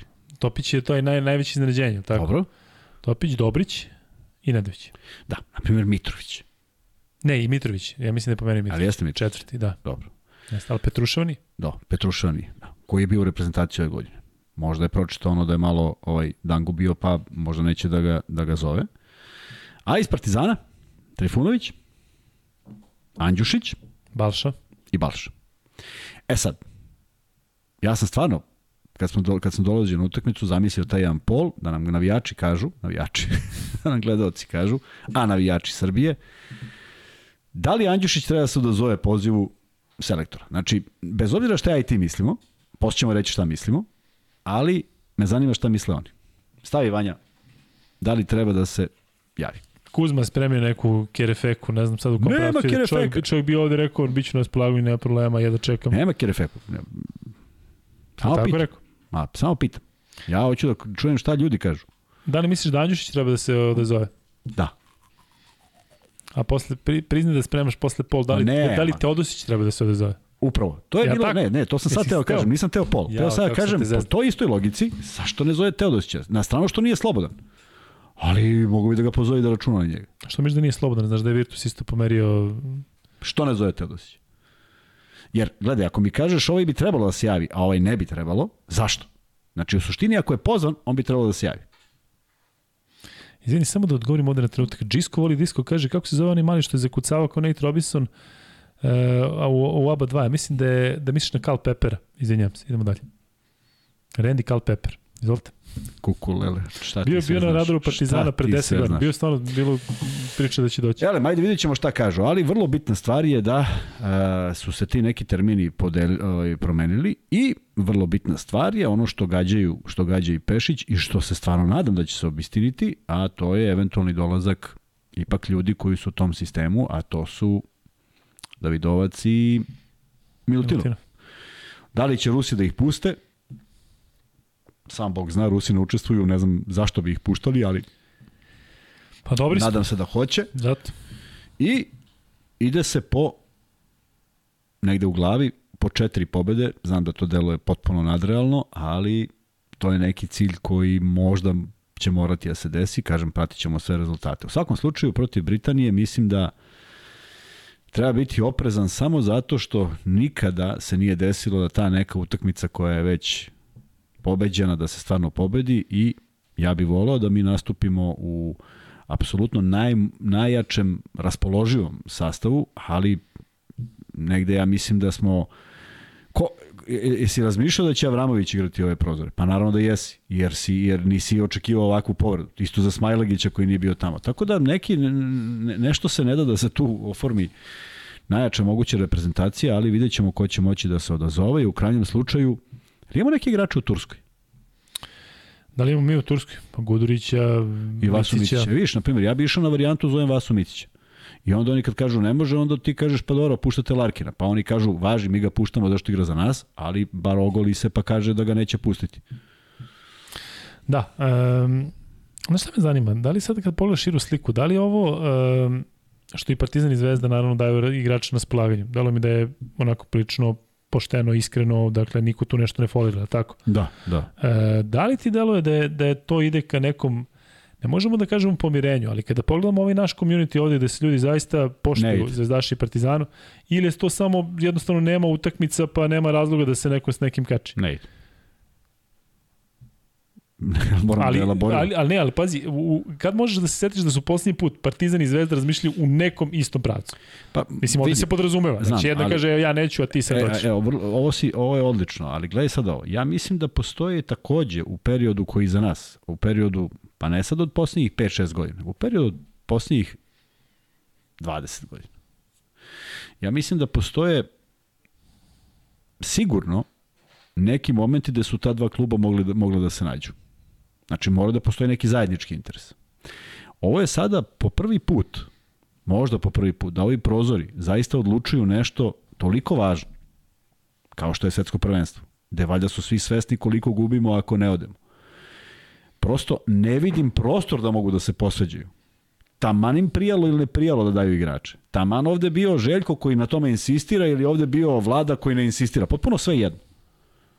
Prosto moraš za nešto ne, što je... Sad shvate, to si hipotetički rekao tako. Dakle, nije, nije zaista tako. Sad ti kažeš Željko insistira, a Vlada ne insistira da se igra na Ma ne, naravno, da. Neko samo, da samo da kažem, da, sam, tako, ne, ne, ne, samo kažem da su oni u suprotnosti, prosto nema mesta suprotnosti, ovo je nešto. Ali mi je žao što je bilo takvih momenata u zadnjih 20 godina, da je interes košarke gubio zbog rasprave dva kluba. Aj, znam da ćeš ovo spakovati onako kako, kako treba, ali E, koliko je toga bilo kad si bio ti u Savezu? Koliko si mogao da ostiš to? Da postoje te struje, da postoje tako neke stvari. Ne možeš da govoriš o imenima, Znam, ali... nego da li, da, li, da li si osetio da je to nešto što onako jeste realan problem? A, koliko god da sam ga osetio, apsolutno u svakom segmentu smo znali da se iznesemo s tim. Znači, to odgovorno tvrdim. Ni jednog trenutka, šta god neko spekulisao, pričao, nismo imali problem koji nismo rešili bilo sa Partizanom, bilo sa Zvezdom. Ako je postojao problem. I nijedan od ta dva kluba na kraju, na kraju uz možda ovako i onako nije odvojio nekog igrača kojeg nije pustio za te tri godine. Znači nikada se nije desilo da nismo na naše insistiranje dobili igrača da li će malo da neko ukrade tu dva dana, vrlo im je bitan za nešto ili ovaj, To je kozmetički, ali u svakom slučaju na prvenstva su išli momci koji su to zaslužili. To je prva stvar. Druga stvar, dobili smo sve ono što je bilo na raspolaganju, osim klinaca koji nisu u tim klubovima i nisu uopšte u Srbiji, koji su mogli malo da krivudaju. Znaš, nalazi se u Italiji u nekom tamo kampu, njemu je prognozirano da će on, kako odigra od 16. godine do 19 dobiti italijanski pasoš i on ne može da se povredi, ne može da se vrati. To treba eliminisati odmah čim imaš takav stav u glavi, ali kažem, to sam već pričao, pa nije došlo. Nikada ni jedan problem sa trenerima koji su tada bili. Bućan, koji je bio sinonim Partizana, ne znam koliko godina radi u Partizanu. Klipa, nikakav, ne postoji problem. Nismo naišli ni na jedan problem koji nije bio prevaziđen. Čak, sam ubeđen, ubeđen sam da je Bućan bio strožiji prema svojim igračima kao što je Klipa bio strožiji prema svojim igračima. Jer, jer ih pozna, jer zna da može da očekuje više, verovatno je to potpuno normalno. Tako da, mislim da smo uspevali da nađemo jedan balans, jer smo mi bili potpuno okrenuti tome da je to prioritet. Znači nisam imao nikakve navijačke strasti, nisam više želeo ovo ili on. Prosto, trener 12 igrača, 16 koji oni pozovu, koliko hoće da pozovu, mi to imamo, ko je najbolji, ide i tako dalje. Tako da zaista je bilo uživanje što se posla tiče. Čak i sa tim izazovima da si morao da ulaziš s nekim u diskusiju i da objašnjavaš nešto, nekad se iznerviraš, nekad se tu čuje nešto, ali nikada nije uticalo na bilo kojeg igrača da smo, kojeg smo želeli da imamo u reprezentaciji. Evo dva pitanja. Jedno Alena Iversona, drugo moje. E, koliko je lakše Partizanu pustiti domaći igrače nego Zvezdi? Ipak znamo da su oni nosioci igre u Zvezdi, a da ovde su trenutno u drugom planu. Jeste, da li to neko ne gleda? smemo, da, ne smemo da razmišljamo tako. Ako Ja, bi da, a tako da li razmišljali... recimo se u Zvezdi to gleda? Pa čekaj, sad mi treba da se jednačimo sa njima, ovde nam petorica nam vuku ekipu. Evo vidio si u jednom trenutku danas protiv UK je bila domaća petorka Jest, u posljednjoj jest. četvrtini. Slažem se da ima... Što mislim da je kod Partizana nemoguće kada se lomi utakmica. Slažem se da ima tu težinu, ali ne sme da ima tu težinu. Znači, ako si ti odlučio i rekao to je najbitnije, onda da. koga, koga traži. I to je to. Da li će to uticati? Vrlo verovatno da da. E, Stice okolnosti da utiče više na zvezdu. Ali zaista ne mogu da zamislim da Željko Bradović ima više srpskih igrača i da on kao personifikacija naravno. košarke ovde kaže e, sad ne može jer imam više. Tako da mislim da tu ne treba polaziti od toga, iako može da utiče, a može i da ne utiče. Mislim, vidjet ćemo. Vanja, možda zatreš ovaj pol i da odmah pustimo sledeći zato pol? što hoću. E, pol je bio, da li Andjušić treba da se odazove na poziv repke. E, I odmah ćemo da pustimo sledeći. E, 63% da treba. Jel te iznenadilo Eto, to? Da, mene jeste. Šta si mislio da će biti manje? Da, prijatno mi iznenadilo i poruka Danilu koji je ovde to i rekao da treba se odazove. Ne, da ovde je rekao da će uvijek biti na raspolaganju i tako i treba. Lepo je izvu- izvučilo on sa Štimcem, ali ne znam koliko realno se zaista gleda u pracu nekog Štimca, Jovića ili Birčevića koji su Ne spremni, može nisu se gleda spremni. kad ne igraš, nema tu šta, Birčević igra. Birčević igra, šta Timac eto, ne igra, Jović ne igra, nema šta se gleda, mislim. To su, to su anomalije koje su se desile da je, da je Simanić na moju veliku žalost bio u reprezentaciji kad nije igrao u svom klubu. To je u nemoguće. Saragosi i dalje, nisam ispratio, vidio sam da je nešto Jeste, bilo. Jel pisalo da je otpušten pa nije. Da. Pa. I odigrao je protiv Juventuda opet nešto, mnogo minuta, malo poena. Nije što je malo poena, nego kad vidim jedan skok, uzem, uzem i, i, i legnem da spavam, da, da prođe dan. E, da. E, Vanja, ajde sad da stavi pol. E, zanima me, da li sada Partizan imao moralnu obavezu da ako pušta igrača za reprezentaciju Srbije, da mora da pusti Papa Petra u Grčku, Madara u Izrael, Tako e, je, dobro pitanje. da pusti Lesora u Francusku i što je nemoguće zato što je izašao spisak Australijanaca za, za ove njihove zezanje tamo, zašto su oni tamo uvijek prvi. Video sam taj spisak, dakle samo su igrači koji su, koji su u NBL-u u Australijskoj ligi, ali da li sada Australijanac da traži egzuma, ali bi trebalo da spustiš egzuma? Ajde recimo. Treba. ne, Pa. ne mislim da treba. Ne mislim, apsolutno, vidi. Uh, uh, ceo taj problem ne postoji od juče. Ceo taj problem je potpuno sumanut i ti treba da investiraš u igrača koji treba da pustiš bilo gde. Ma samo da leti avionom pa već nije normalno, a ne da, da, da igra. Tako da, e, svako će gledati svoj interes, tako i Srbija treba da gleda svoj, je tako? Da. Ali e, u čemu je onda cela, cela ta, kako bih ti rekao, Neko će stvarno zavisiti od tog jednog, neće, neko neće. Neko neće imati nikakvu štetu. Neko nema reprezentativca. Neko ima reprezentativca koji ne igra tada ili igra na nekom drugom kontinentu. Sve su to ozbiljni problemi koji ne stavljaju sve te klubove u isti položaj.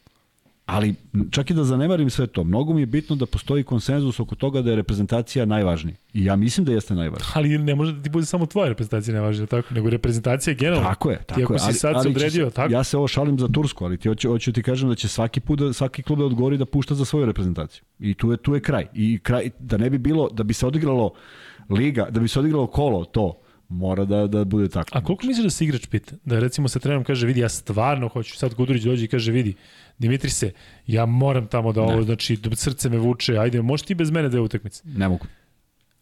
Ali se pita i Tudis ili se pita neko gore? Pita se neki predsednik koji sad pita trenera, a trener kaže ja stvarno ne mogu bez njega.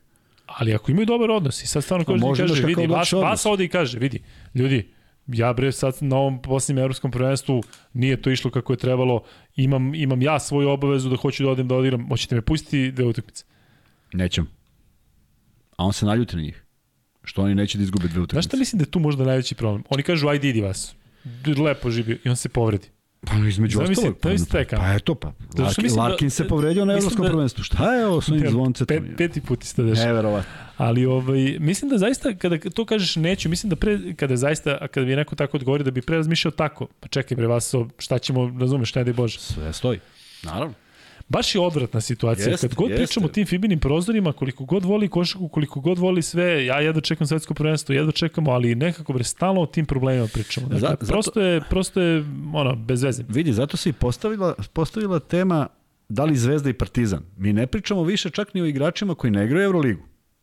Jesi primetio? Nije bitno da. Da. će doći neko iz nekog tamo, nego je bitno jer onda pokazuješ ti koliko je tebi kao naciji stalo za, za, za to. Tako da sumnjam da će neko iz Evrolige otići bilo gde osim u domicilnu ovu reprezentaciju, u svoju reprezentaciju, da li će pustiti nekoga teško, jer svako zavisi od tih igrača. I u krajnjem slučaju nekome će neki rezultati odgovarati da, ne, da negde ne puste nekoga. Prema tome, Da. Šta ja znam, nije normalna situacija, predugo je nenormalna, ajde da vidimo, svi su nagoveštaji da Bodiroga ulazi u neke pregovore i da će to negde u nekom momentu Da da, li se misliš da će desi. to trajati, da to nije To nešto trajati, što može, što sigurno. može da, Da, da, se da, reši ne. odmah? Ne, ovi, ove kvalifikacije će biti završeno i tek onda će neko da dođe da kaže nešto ako ima nešto smisleno. Kad se igra Evropsko svetsko prvenstvo? Sledeće Sledeće godine? godine u, sep, U u, septem- avgust, septembar. August, septembar. Da. E, sve u svemu, e, kažem, ako Partizan sada pusti svoje igrače, ako pusti strani igrače, s kim će da igra? Nemaš s kim da igraš. Ne bukvalno. možeš, ne možeš Dakle, ni sa kim, prosto kako? je, prosto je Nema ovo. smisla. Imaš jedno pitanje Kuzma u vezi reprezentacije, to je konkretno vezano za selektora Pešića, ali ne toliko za njega koliko za te trenere starog kova. Koliko misliš da oni recimo nemaju razumevanja za, za neke igrače e, kada, kada te neko razočara, ono što si ti rekao u reprezentaciji, jednom neko ne dođe iz nekog razloga, koliko misliš da je kod njih ta lestvica da jednostavno ako s nekim nisi napravio neki vibe, da jednostavno nemaš, nemaš više s njim šta da se zezaš, da, da lakše zatvaraš vrata u takvim situacijama. Da nemaš trpljenja za nekoga da ga čekaš ili bilo šta. Koliko misliš da to ima sa, sa veze sa godinama trener? Iskustvom i, i reputacijom, mislim. Da recimo, da li bi Vlade Jovanović sada bio u fazonu, aha, eto da isto uradio, nisam zvao Teo, Teodosića, Vlade Jovanović ili Dejan Milović ili tako neko mlađi je selektor reprezentacije. Da kaže, e, ajde da vidim šta, kakva je sad situacija. Dok od nekih starih trenera to za, zaključena priča. Pa sve je samo za stvar e, kako, kako malo mudrosti upotrebiš i onda možeš, onda imaš potpuno legitimno pravo, ali treba biti mudar u nekim odlukama. I sad možemo da pričamo da sa ovog aspekta nije bilo ni malo mudro što, se, što, je, što je Teodosić otpao. A, ne zbog šta radite? Ne zbog a, činjenice da nije igrao i da smo mi, nismo mi zbog toga ovaj, zauzeli mesto koje smo zauzeli, nego nije način. Tako mislim i da Andjušić nije način. Jer onda, aj sad, aj sad razmišljamo ovako. A, jel, ga, jel ga ti svesno, jel ga selektor svesno svrstava u tu neku drugu, drugu poziciju? Zanđuš si govoriš? Da. Pa ne znam. Jel svesno ili nesvesno?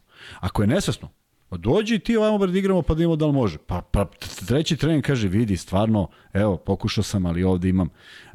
Da ne zaboravimo još jednu vrlo bitnu stvar. Dva igrača povređena smo vodili na evropsko prvenstvo. Sa Dobrićem i Andjušićem na tim pozicijama. Ne znam da li bi bilo bolje. Ne ulazim u to da li bi bilo bolje. Ali nismo imali Gudurića jedno vreme, a onda nismo imali Nedovića. Ok, to je rizik, spreman si da ga podneseš, ali zašto? Ne razumem zašto je bilo. Ja razumem da nema igrača na toj poziciji.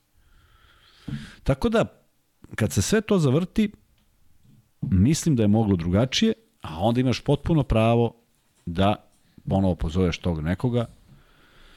Ne znam kakav će odnos biti, ne znam kakav je odnos, ne znam da li je narušen, ne znam da li je bilo nekih ružnih reči, ne znam da li je bilo bilo čega. Naravno ti niko neće reći, e, jeste, rekao sam mu to, to i to. I naravno da poštujem sve što je Danilo rekao ovde i da je spreman i da će navijati i sve.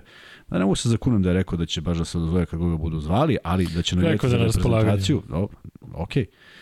Ali ovaj, meni je drago ako tako misli, međutim, Da, da, upravo si. teško će... Pravo si na muni sad ja, da, da li štimac, ne, neko je govorio, možda sam ja pomešao. Ne znam da li je on baš rekao ja sad sutra me zove ja dotrčam, ali Da, Jović je da rekao će kao, pričao sam sa E. Pešićem, pa sam rekao da sad preskačem, pa sam na raspolaganju za ubuduće, ne mogu ja više da povežem sa Tako, tako da tu nisam siguran, ali nije ni važno. Vidjet ćemo kakva će reakcija biti. Ja naravno želim da mi imamo najjači sastav, ali, kažem, mora malo mudrosti da postoji kako se obhodi prema tim igračima koji su i, i ovo što si dao, zaista ti, evo, videli smo Štimca koji je ovde. Ja ne verujem da postoji mali broj igrača koji želi da, koji ima takav osjećaj prema reprezentaciji. A prosto neće moći. Ali misliš da ima to veze sa generacijama? Da ovi mlađi I- koji možda nisu to osetili nemaju Ne, tako, je, odnos. Tako je, naravno da imaju. Ja mislim da za nisi Saletu, Đorđeviću, Daniloviću da neko rekao da ne mogu da dođu. Ja mislim da bi oni batalili ugovore i došli. E, Mislim da je takva svest e, bila. Ok, vremena se menjaju, sve je drugačije, ali i sad verujem da ima igrača koji žele da igraju. Baš žele, žele. U ostalom, nekako mi taj Teodosić, on je uvek igrao. On Uvek. baš uvek. Uvek. Sem kad fizički nije mogao jer je povređen. A to je bila jednom, ja mislim, Pa pa jednom. situacija gde on hteo, pa Tako je je. čak i bio na nekim pripremama, govorim nešto unazad. Dosta. Tako je. Prema tome, to su ljudi koji jednostavno žive za to i sad zamisli njegov osjećaj kad mu neko kaže pa žao mi, ali ne možeš i da mu objektivne razloge, ne daje mu neke razloge koji nemaju smisla. Tako da sve ovo izgleda glupo, ali ajde mi da napravimo najjači sastav dovoljno jak, dovoljno uigran, da pobedimo Britaniju, da vidimo u kom će sastavu doći Turska, jer vidi, ako Larkin ne igra do danas, a ne igra, pitanje je da li on igra za Turke, a pitanje je onda ko igra za Turke van Turske, što je Ne znam ipak... da li oni imaju pravo, sad to ne poznajem tehnički, da li oni sada Vilbekina mogu da stave da igra? Dakle, Ne Vilbekin ima tursko državljanstvo. Mogu, ako ima tursko državljanstvo. Pa da, ali je- ne znam da li sad Larkin je poređen, Vilbekin... Ne znam kako ide, da li imaju neko znaš, pravilo... Ili pa da li, znaš, smo ne nekoga znam, ne znam, licencirali ne znam, pa da igra ili sve, ali sve jedno... Svakako, svakako hendikep, svako ima nekog povređenog igrača, ali ovo ostalo što će igrati za Tursku uz Shanlua, koji je za mene uvijek bio stvarno ozbiljan igrač. On deluje onako malo kao meda, ali mislim da je dobar. E sad pitanje je koliko će moći da računaju na bilo koga drugog. A tu već nema plejade igrača. Pa, a igra se u Srbiji. Domaćini smo. Kad? Pa druga utakmica. Prva Da, je druga, da. Britanija, Druga, pa da. Turska. Da, da. Um, dobro, Vanja, možeš i ovaj pol da ugasiš i da lagano privodimo priču kraju što se tiče reprezentacije, da prelazimo na NBA ligu i baš me zanima koliko će biti uh, da li Partizan ima moralnu obavezu da pusti strance da igraju svoje reprezentacije? Ne. 56%, da 43%. Tako. E, I zaista jeste negde između. Mogu Luka izjavio Ataman da od trenutka, e, do trenutka biraju između njih dvojice. Hvala Grobare. Grobar sve drži u malom prstu. A je, ovde ima, mi, su mi poslali, izvini, Slajane Vesi za Srbiju, Euroliga ustupila igrače Pešiću. I kaže sad ovako. Kaže ovako.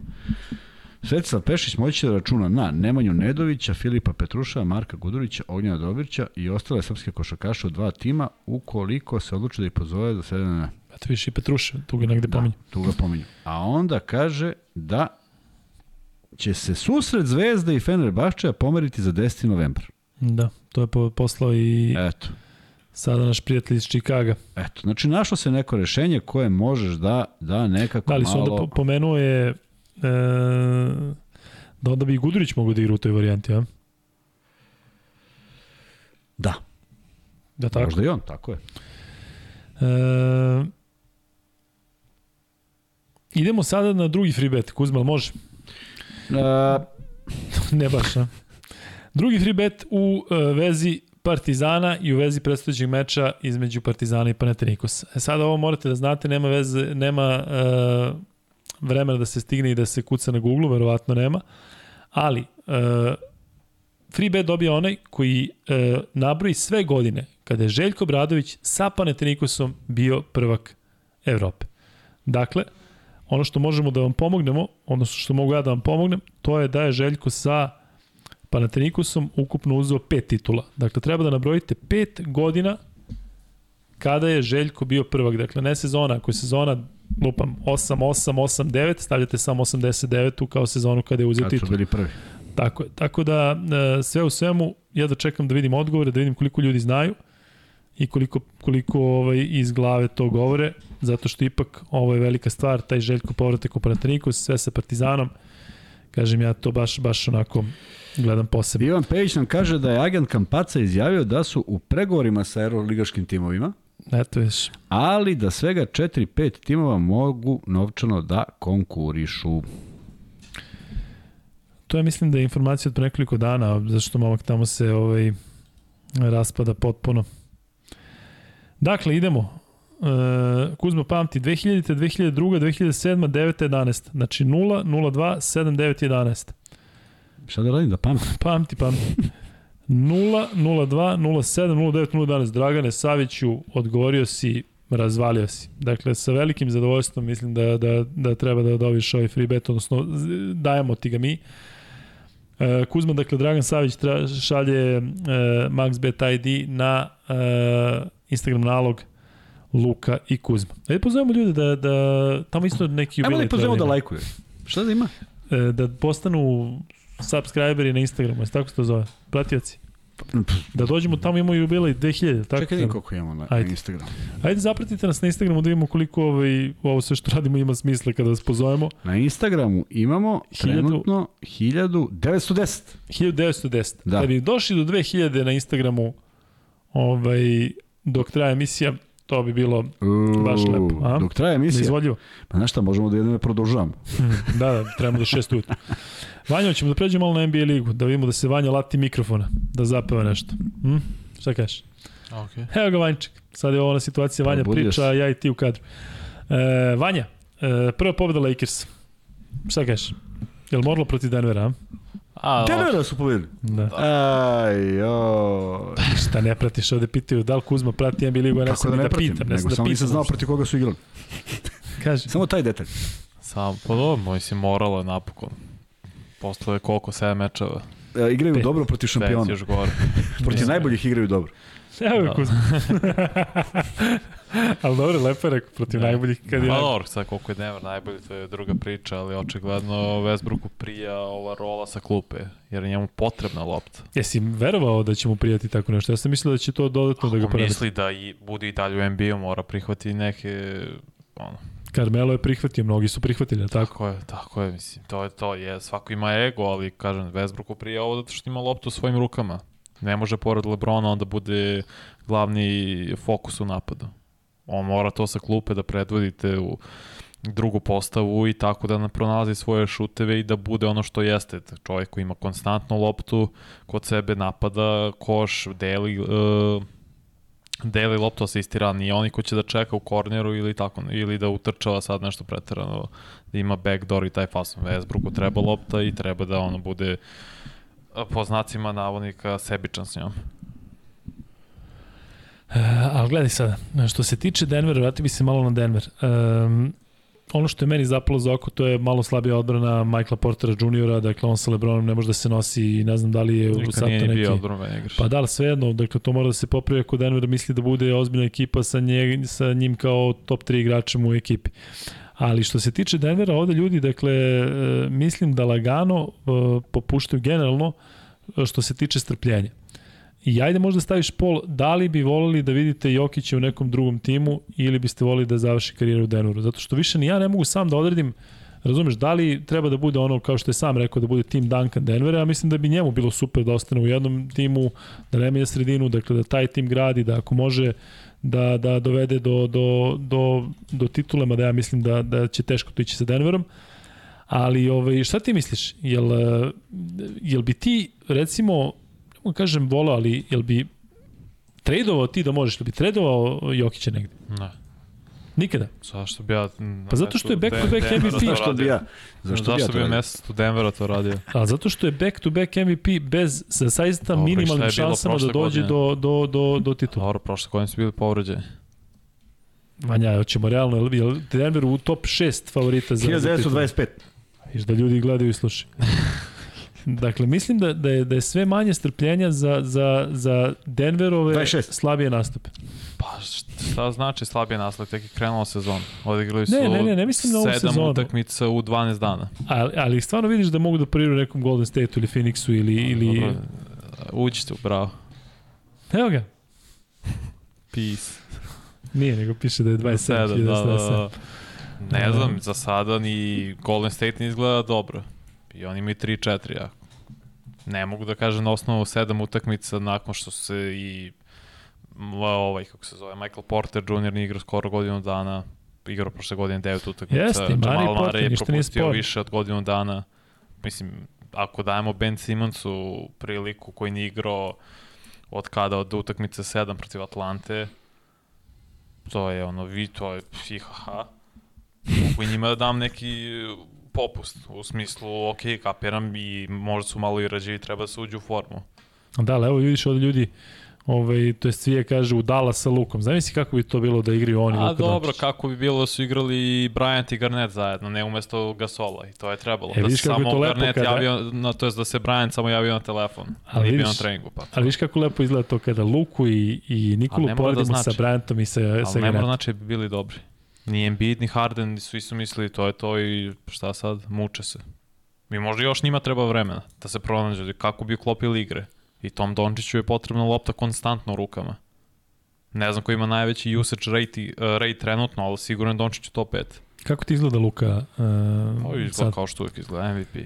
Ne, ali 37 poena u prosjeku, bez obzira što je, što je uzorak šest utakmica posle evropskog prvenstva, posle leta, da li nastavno? Super, super, pa zato što je na, malo u boljoj formi sad ulazi nego prošle godine. Da. Prošle godine u, u što sa poprilično više, vi, više ki, kilograma. Da, Sad je se. malo bolja situacija, pa zato i igra dominantnije. Ne znam kako bi izgledalo to on i Jokić, jer obojci je potrebna lopta. Nije to sad to idealan, uh, idealno spajanje. Ne mora znači ništa.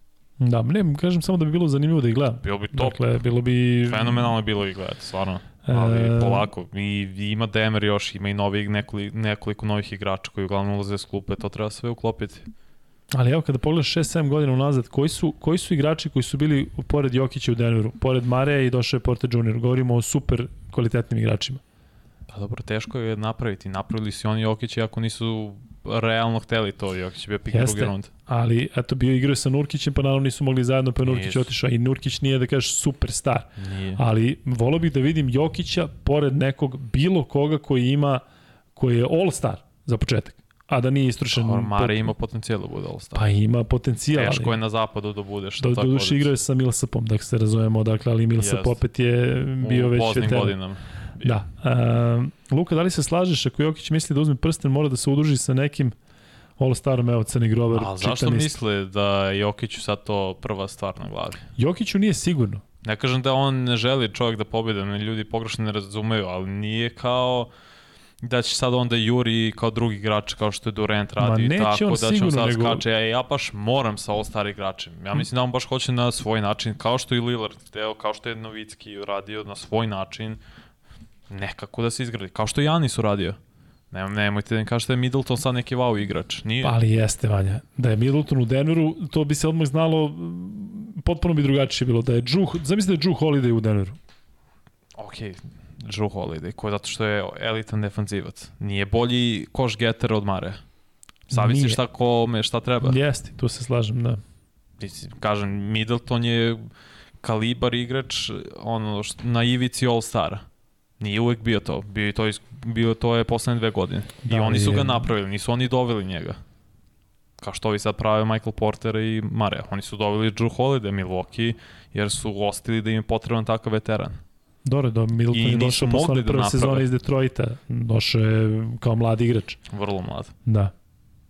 Ali dobro, ima, imaš Brook Lopeza kao centra, kog si, kako si tak, takvog centra imao pored Jokića kao nekog kog, imaš Janisa i Bruka Lopeza koji opet, i on je isto all star igrač. Pa bio je jedna godina 2013. Jeste, ali nije, a, a, a Jokić je pored sebe imao koga? Um, Millsap, Plumlee. ali to ti je to. A ne, ali, ne, ali Janis uh, je centar, ali Brook Lopez igra stretch čet- četvorku, de facto. Ako ćemo Da. ili stretch pet, ali Janis je četiri u reketu. Da. E, Ja vas razumem i sve koji misle sad Jokić, ali to je ovo je na osnovu sedam utakmice. Da su krenuli 6-1, bilo bi druga priča. Ma bre, uopšte ne govorim u početku sezone, Ne, samo kažem, kažem, da je ljude greota. koji pišu, ja verujem da je to glavni sad, ja 4-3, sad je to problem, jeste i uh, o, San Antonio ima 5-2. Ne, ovo hoće ljudi da prokomentarišemo i San Antonio i recimo ekipe poput Jute, ekipe poput Oklahoma i tako neki timova koji su potpuno iznenadili na početku. Ima još tih timova koje niko nije video kao bilo kakve konkurente, a To je uvek svake su- godine. to su ipak mladi timovi koji će Mladi, zabavni da... timovi na početku koji Jeste. su puni energije i koji igraju ta, zabavno. Jute igra mnogo zabavno košarku. Jeste. I Jordan Clark, Clarkson igra sjajno s klupe i čak je u nekim situacijama i, i vrlo dobar asistent i razigrao druge. Markanen se preporodio od evropskog dobija ne, steko neko samopouzdanje što bi ja, na primjer, volao da ima Simanić i ovi naši mladi igrači, Markan eksplodirao. Da, da.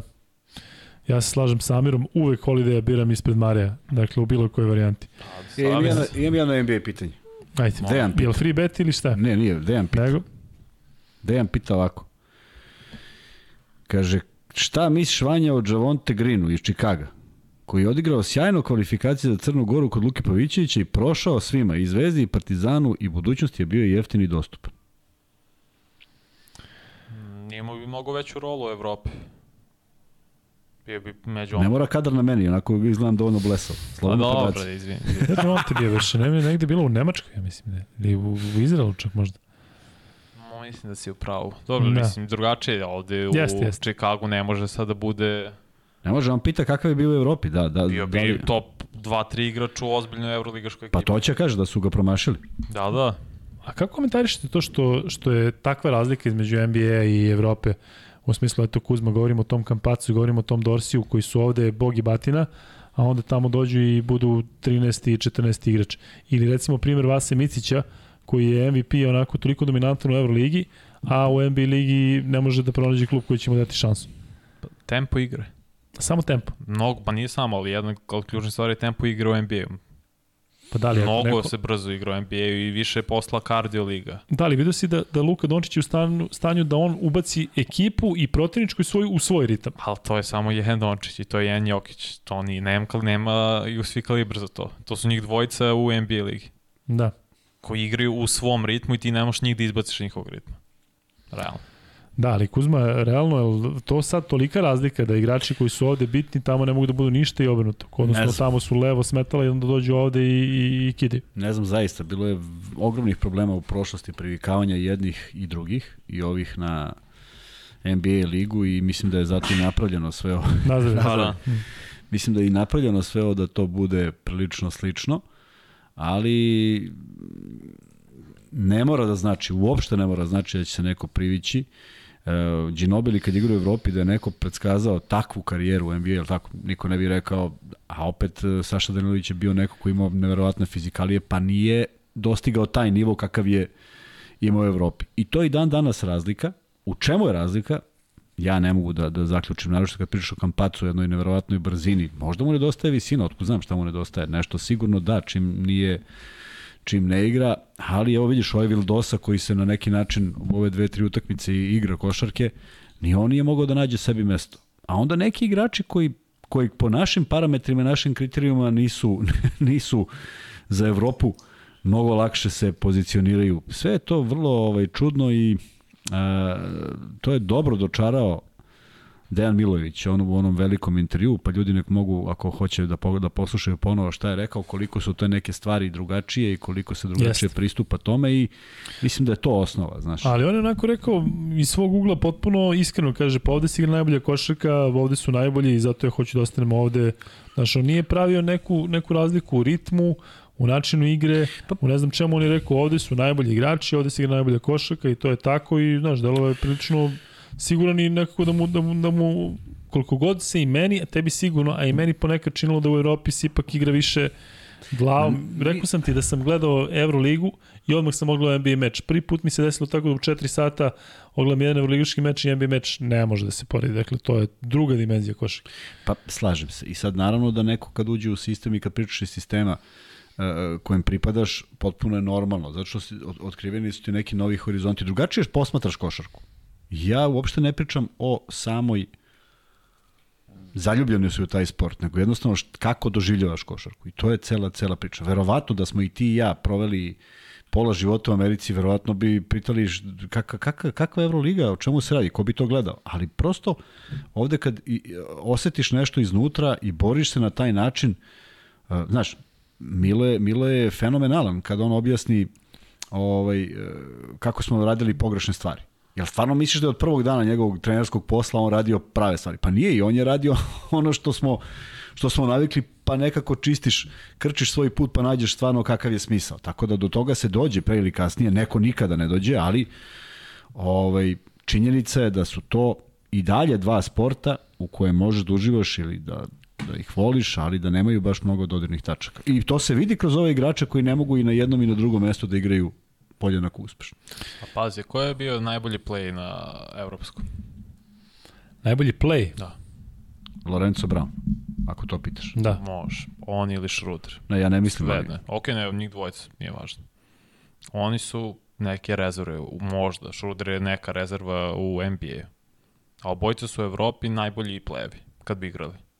No nisu za poređenje. Brown uh, je u NBA-u bio malo, ništa nije uradio, Šuder je ozbiljno imao NBA ligi. Generalno, poredni talent njihov. Mirotić je, kad je zdrav, najbolji igrač u Evropi. U NBA je do, ok, dobar starter. Postoji ogromna razlika u nivou talenta. Naravno, neki iz NBA ne mogu da igraju u Europu jer su tamo čisto zbog predispozicija i kao ovaj sad Okoro, dečko iz Clevelanda, ja ne znam šta, sam, šta mu se desilo. Vidio sam igru po 4-5 minuta. To je raspad sistema, a fizičke peti, predispozicije nerealne. Draftu, jest. Nerealne. Da, da. Ajde kad si već kod Clevelanda, sami reci kako ti oni deluju. Oni svi, svi hvale, sve to deluje dobro, ali opet je početak. Super, super se našao i Donovan Mitchell i sad oni Levertu basili po 41 obojica, ali povređen je dalje ovaj Garland. Da. Prvom to... meču se povredio, tad nije igrao, tako čeka se onda vidimo kako će to stvarno da izgleda. E, da, e, Luka šta je sa Barbosom, dugo je bio najbolji šesti igrač NBA lige, ja mislim da je on pomoćni u Golden State-u, negde, negde je pomoćni A Barbosa. Bio je, ne znam da li dalje u Golden State. E, mislim da je, da je nešto aktivno, znam da je trebalo da igra ovaj Big 3. E, u svakom slučaju Barbosa legenda. Da li bi bilo priča da će onda preuzme nešto brazilsku reprezentaciju, nešto?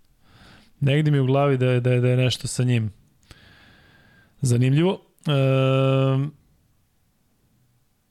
najbolji primjer je Boban Marjanović, da li je posle MVP titule napravio pravi potez odlaskom u NBA? Pa, mislim, uvijek no, to njega je najbolji to potez. Za njega je to marketinški ovako e, fenomenalno, tako da nema šta. Luka, kako unaprediti vertikalni skok? Ovo mi se sviđa Nikola. Ima neke vežbice koje sam ja radio ranije, danas se to potpuno drugačije radi, ali ovaj, da ti najiskrenije kažem, najveći uspeh sam uvijek imao kada sam radio sa Vječom, ali kad sam radio kako treba sa Vječom i čak mislim da je proglašena Vječa za najbolju spravu. A, Manček, šta misliš ti o Vječi?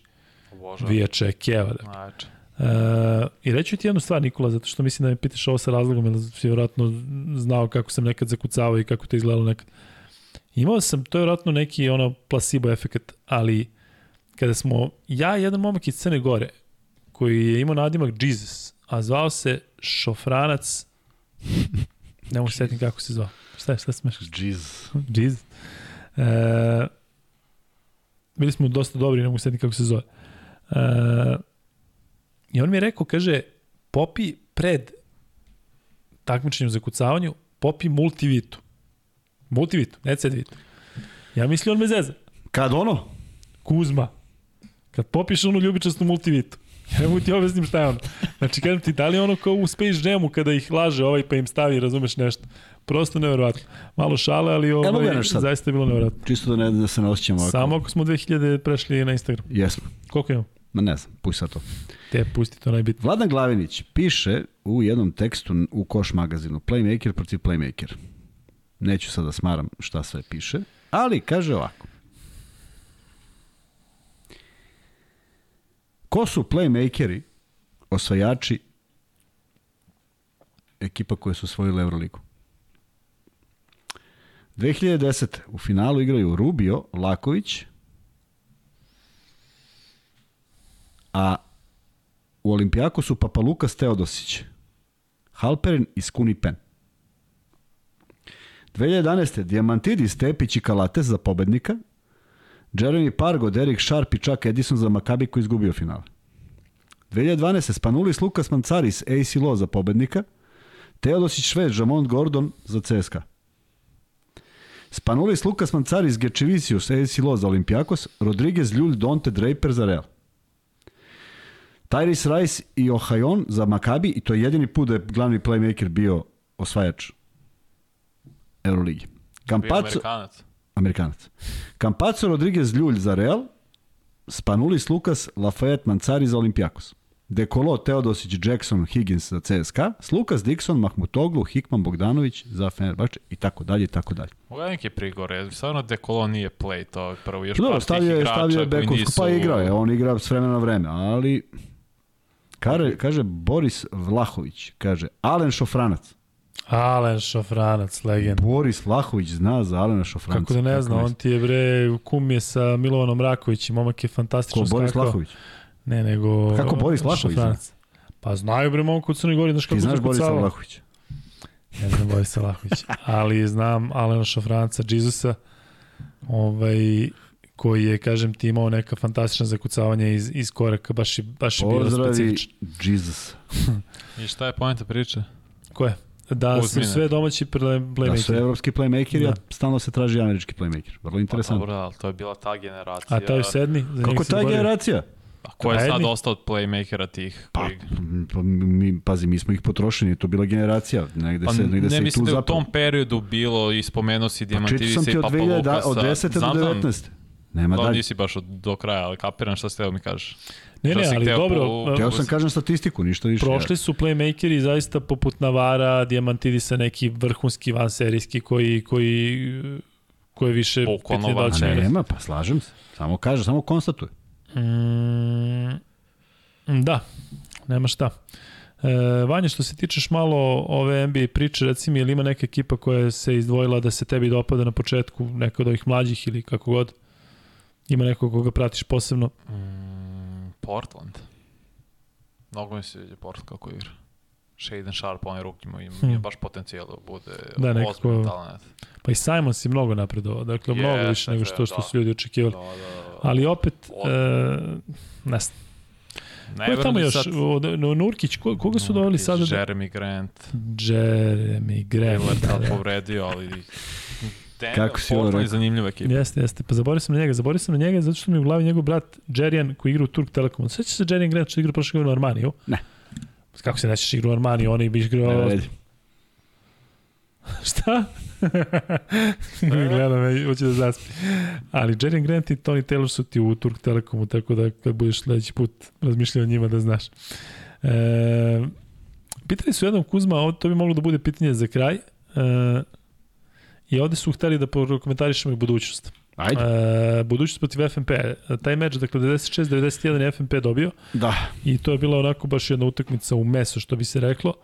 E, dobar meč, što se mene tiče, ono što sam malo video, nisam gledao sve, ali ovaj Frazier se neko, ne, je neko ko se izdvojio, pa su onda ovde pitali da li bi menjali Fraziera za Adamsa, da li je Frazier možda već sada ono u stanju da da ode korak dalje. Ne može. ovaj Bryce prošle godine isto Da, ne mogu da se porede. Ne možete stvari da, da iz, iz konteksta izvuče. Pa onda posle dva kola bi je pitanje bilo iz onog momka Rasela iz, iz Mornara, da li bi? Ne bi.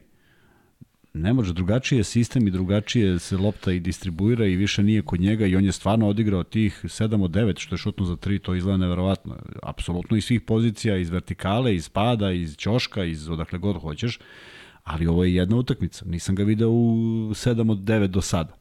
Prema tome, nemojmo na osnovu jedne utakmice da, da, da, da, da donosimo neki zaključak. Utakmica je bila prednost budućnosti na početku, međutim u jednom momentu stvarno je pokazala, pokazao FMP i zube i strast i odbrano i sve i potpuno su ih razbile te trojke. Dakle, 96-91 je završeno, regularan deo, mislim.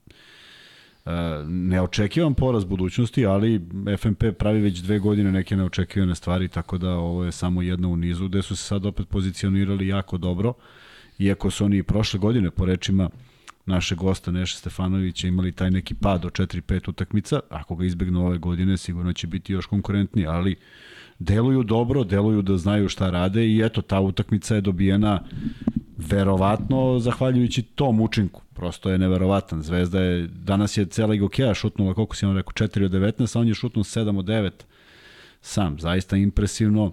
Ja bih voleo da on nastavi u takvom izdanju, mada i on igra gore dole, ali svakako interesantna utakmica gde je budućnost prosto, ja mislim da su nekako mislili da će lakše, a posle kad je, po, kad je počela klackalica, nije delovalo da ovi ispuštaju. Bukvalno su koš za koš vraćali i onda povećavali prednost, tako da...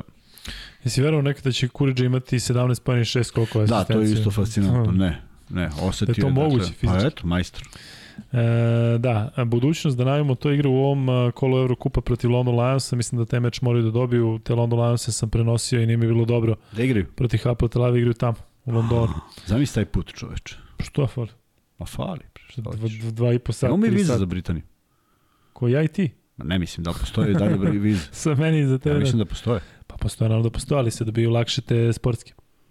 Mislim, znaš kako ide, ne, nije, nije da ide teže. Do, nije da, ali sve jedno, ali tretman. Ovaj, e, budućnost igra u, u sutra, u, odnosno danas, pošto je utorak već počeo, e, od 20.30 i kažem, povređen je Deker, povređen je Filip i imaju trenera Rana Šmita koji je onako prilično nepoznat i ne poznavam čoveka, ali kažem, to bi budućnost morala da dobije, a što se tiče druge ekipe iz regiona, Cedevita Olimpije, oni svoj meč protiv uh, Venecije igraju u sredu.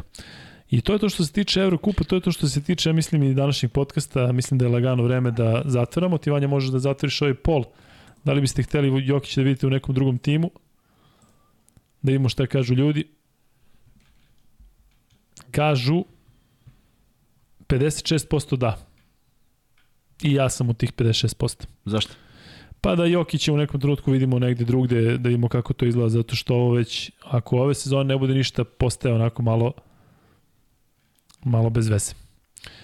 Kuzma, šta imaš da kažeš za kraj? Favela Kube ima dobro. A, Šta kažeš? Favela Kube ima dobro pitanje. Kuko? ajde. Ajde kaži. Favela, uh, Da. pitanje za svu trojicu, ko je po vama najbolji naš play od Moke pa do danas, a ko šuter? Iš, čuj, dobro pitanje, pa možemo da pričamo dva sata i da ne donesemo... Ono vrh glave. Najbolji šuter, Peđa Stojković. Pa najbolji šuter na svetu bio, ne možda kažeš da nije. Da. Pa, ja kažem Ja, najbolji šuter, pa mislim Peđa da, Stojković. to se neko podrazumeva. Najbolji, Mada i Bogdanović, jel ti pada, jel, jel možda porediš još, Stojaković i još Bogdanović? malo, još malo, Da. samo da inače Ali ima, ima, ima, ima, fantastičan Jeste. šut, prosto ko mašina. A playmaker? A playmaker, pa vidi, Sala je obeležio Jeste. zaista one periode kad je svaki put kad je trebalo dao koš. Sad, drugi, drugi koji ga je nasledio u toj veličini je Teo. Nema više, nema između ništa. A i recimo Teo sigurno više podsjeća na Moku, je li tako? Po nekoj igri i svemu, po ne, lucidnosti. stvarno po nisam gledao. Zaista ne mogu Ne, ne, ali mogu. govorimo, kažem da su onako igrači drugačiji koji, su, koji drugačiji Da. su, da, drugačiji Sale- su potpuno, ali ja u stvari ne vidim nekog trećeg pleja u tom periodu između. Nije bilo srpskih plejeva na, jer e, Draženu je zamena Žot, Željko je bio drugi playmaker 90. u Argentini. Da. A Željko Sreta, nije bio... i, Sreta i Obradović su ipak Jest, malo slabiji, da jeste, se ne lažemo. Nisu bili nosioci reprezentacije. Sale jeste od 91. kad je taj Istanbul kad se desio pa sve do, do, do kraja, onda je to preuzeo Teo. Bilo je tu dobrih playmakera, ali niko nije trajao toliko dugo, tako da ih nema u suštini od Moke mnogo. Može jedno teško pitanje za kraj za tebe pre nego što odjaviš emisiju. Ne, ima još free bet, niste podeli. Ja, da. E, jel bi volao da vidiš Teo u prozorima ovim? Da li Ne. bi volao? Da li bi volao? Volao Da. bi, ja volim da ga uvijek vidim. E, Vanček, hoćeš ti freebet? Preletio si nekim freebetovima NBA. Uh, ko je trenutno prvi na zapadu? Opa! Pitanje je freebet ko je trenutno prvi na zapad. Kaže Vuk Grubić, Luka, bolje da uradite jednom u dve nedelje sat plus vremena NBA. Pa dobro, ovaj ponedljak nam je, Pa to je možda sat nije sat vremena, ali, ali to nam je moment kada možemo. Ovo je, ovo je moment kad može jer je zgodno, jer kad pričamo o Euroligi onda je malo blesavo, Jeste. zato što je Jeste, pravi moment, četvrtak, tako da petak, jeste. nema šta. E onda moram da iskoristim, pošto sam obećao Salinu, ali rekao sam za sledeći put, pa ko zna kada će biti za to sve. Zamolio je vas dvojicu, a naročito Vanju, da, kaže, oduševili su ga Reeves i Ryan iz Lakersa, a ne znam mnogo o njima. Dobro. Pa, na primjer, gde su rođeni, koliko je bilo teško odrastanje u njihovu... Može. Pa su? Zeba, kod... Reevesu je baš bilo teško. Da je o, odrastanje je belji od mene. E, ko je, ko je Vuk prvi? Grbić. Ko? Vuk Grbić. Portland je prvi, tako? Da, da, 5-1. A, to si ti na svoju, znači vodenicu hteo. Las Vegas, kaže. Kakvi su Rice i Reeves? I Ryan, i Reeves, i, Ra, i, i Rice, i Reeves. Rol igrači. Možda će dobiti više minuta jer i čini se da je sad Austin Reeves starter zato što je vezan Jest. na klupi. Ali Ali, kaže Salin, Sasu. Salin kaže da su nešto dobro odigrali, a? pa jesu, vrlo su da zahvalni igrači. Ma nema, ali sad imaš ta, takva ti rupa posle Lebrona, Davisa i Westbrooka, tamo imaš otvorno da se bilo ko istakne, dakle nemaš Jeste. taj, taj second tim je otvoren potpuno, a Reeves je, znaš šta se meni dopalo prošle godine, što Reeves koji je tamo stvarno belac, onako baš se ističe, kad je dao onu trojku protiv Dallasa prošle godine, ja nisam video da su nekoga toliko svi ono uzdizali, svi ovi mm, superstarovi, baš mi je izgledalo simpatično, baš da je voljen u timu, tako da, E, znaš što mi očigledno? ali mislim da je ograničen, nije mi on neki igrač koji će, ne znam šta da ograničeni sad radi. Šta kažeš? Šta Znaš se što radi? juče gledao? Juče sam gledao jedan bizaran moment kada Westbrook pokušava da podigne loptu sa zemlje. I Dobro. ne uspevamo. Nikako Ali to ja mislim od ranije snima. Pa od ranije, da, i ne uspevamo nikako i onda nekako je podigne s dve Ono ruke. šamara. Šamara, šamara, Da, ništa i da. okrene se i onda se okrene u vazduhu, šutne i ne dobaci do koša. To je stvarno teško Da, izvesti. ne, Westbrook je generalno jako težak za, za, za Za svariti. Takav Evo, jeste. nas Sasu Salin, kaže lako noć i hvala. Nema na čemu, a reci koliko imamo na Instagramu pa da E, lagano... sad ću da kažem, ovako, imamo, koliko je bilo danas? Koliko sam ti rekao da je bilo danas? 1924. Ne, ne, ne. 25 smo imali, 8725. Znači, 8725. A misliš na subscriber ove, dobro? na subscribere 8725, što znači da sad imamo 43 više. Koliko imamo? 8000? 8768. Ekstra. Ekstra. A ovamo je bilo 1910, ili tako? Da. A sad imamo 1934. Tu smo tanki. Kako bre tanki? pa ljudi 24. nemaju, nemaju ovaj Instagram. Da, pa ja. sigurno nemaju. Nemaju ni telefon. Pa da. A, pitanje za free bet, Kuzmi rekord karijere. Kuzmi rekord karijere. Da.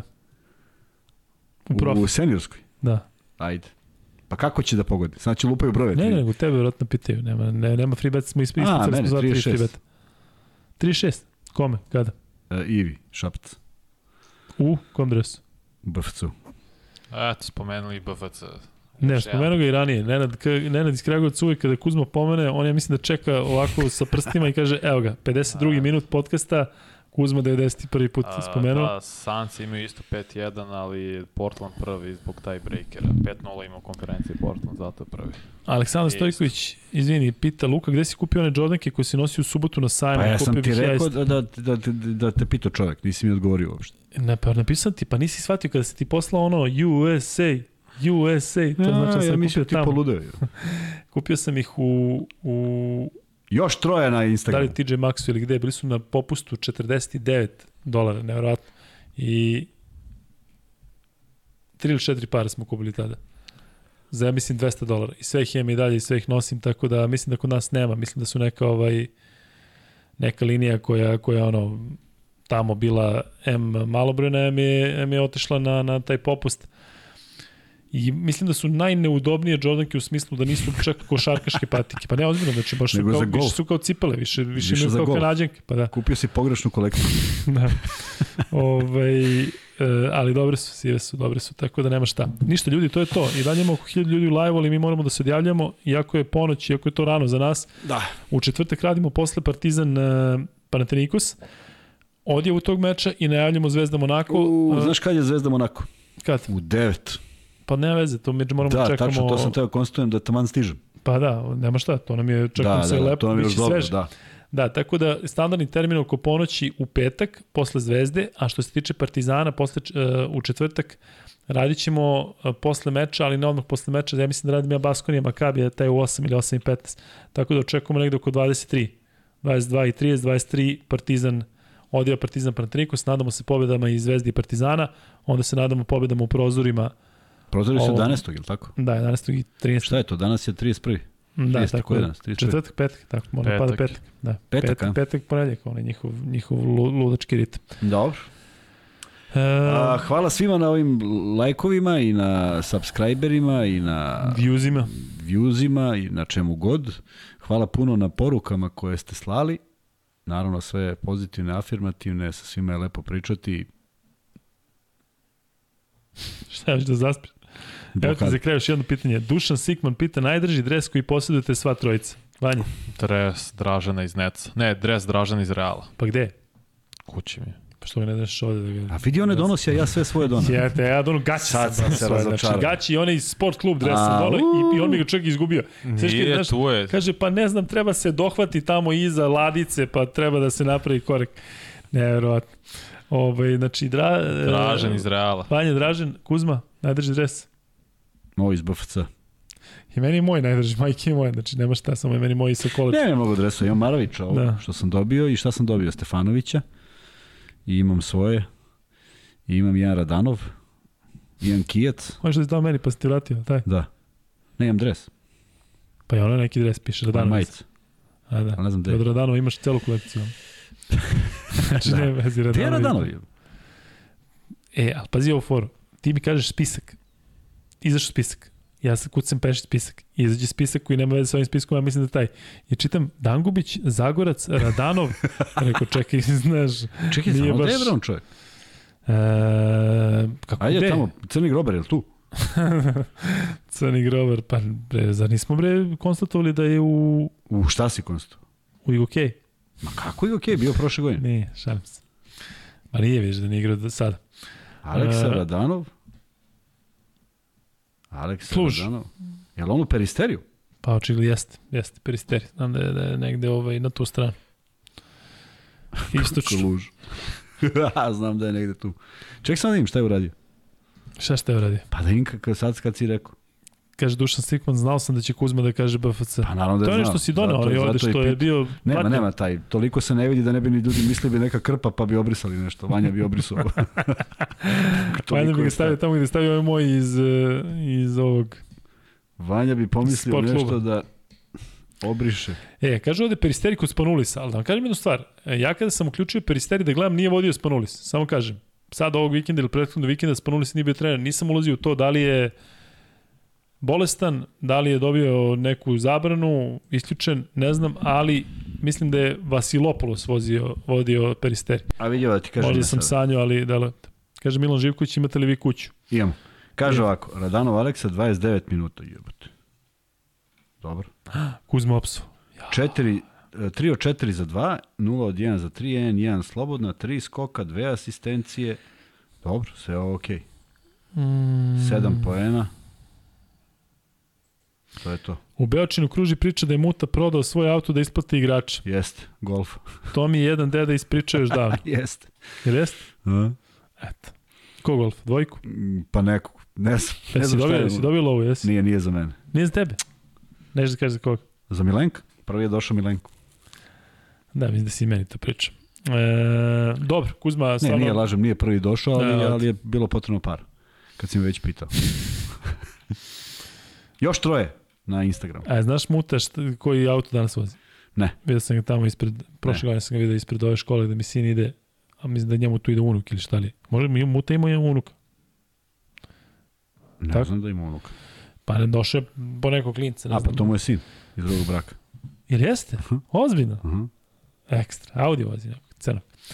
Um, ćemo da završavamo konačno. Hoćemo, ajde, sad desi krenemo muti, to možemo tri dana da pričamo. Hvala svima još jednom na ovim svim što sam rekao malo pre. da ne ponavljam. Vidimo se u četvrtak. Do tada pišite, lajkujte.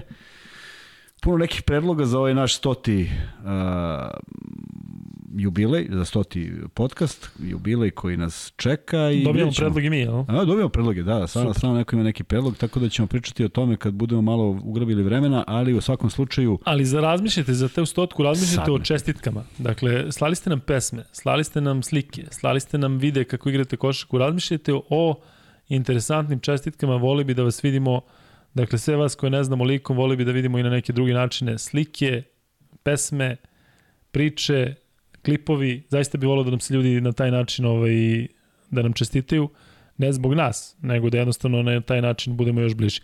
I to je Kuzma to ja mislim, tako da ovaj, ja e, mislim da jeste. e, 3 sata i 12 minuta. Ništa, idemo dalje, 93 u četvrtak. Vidimo se.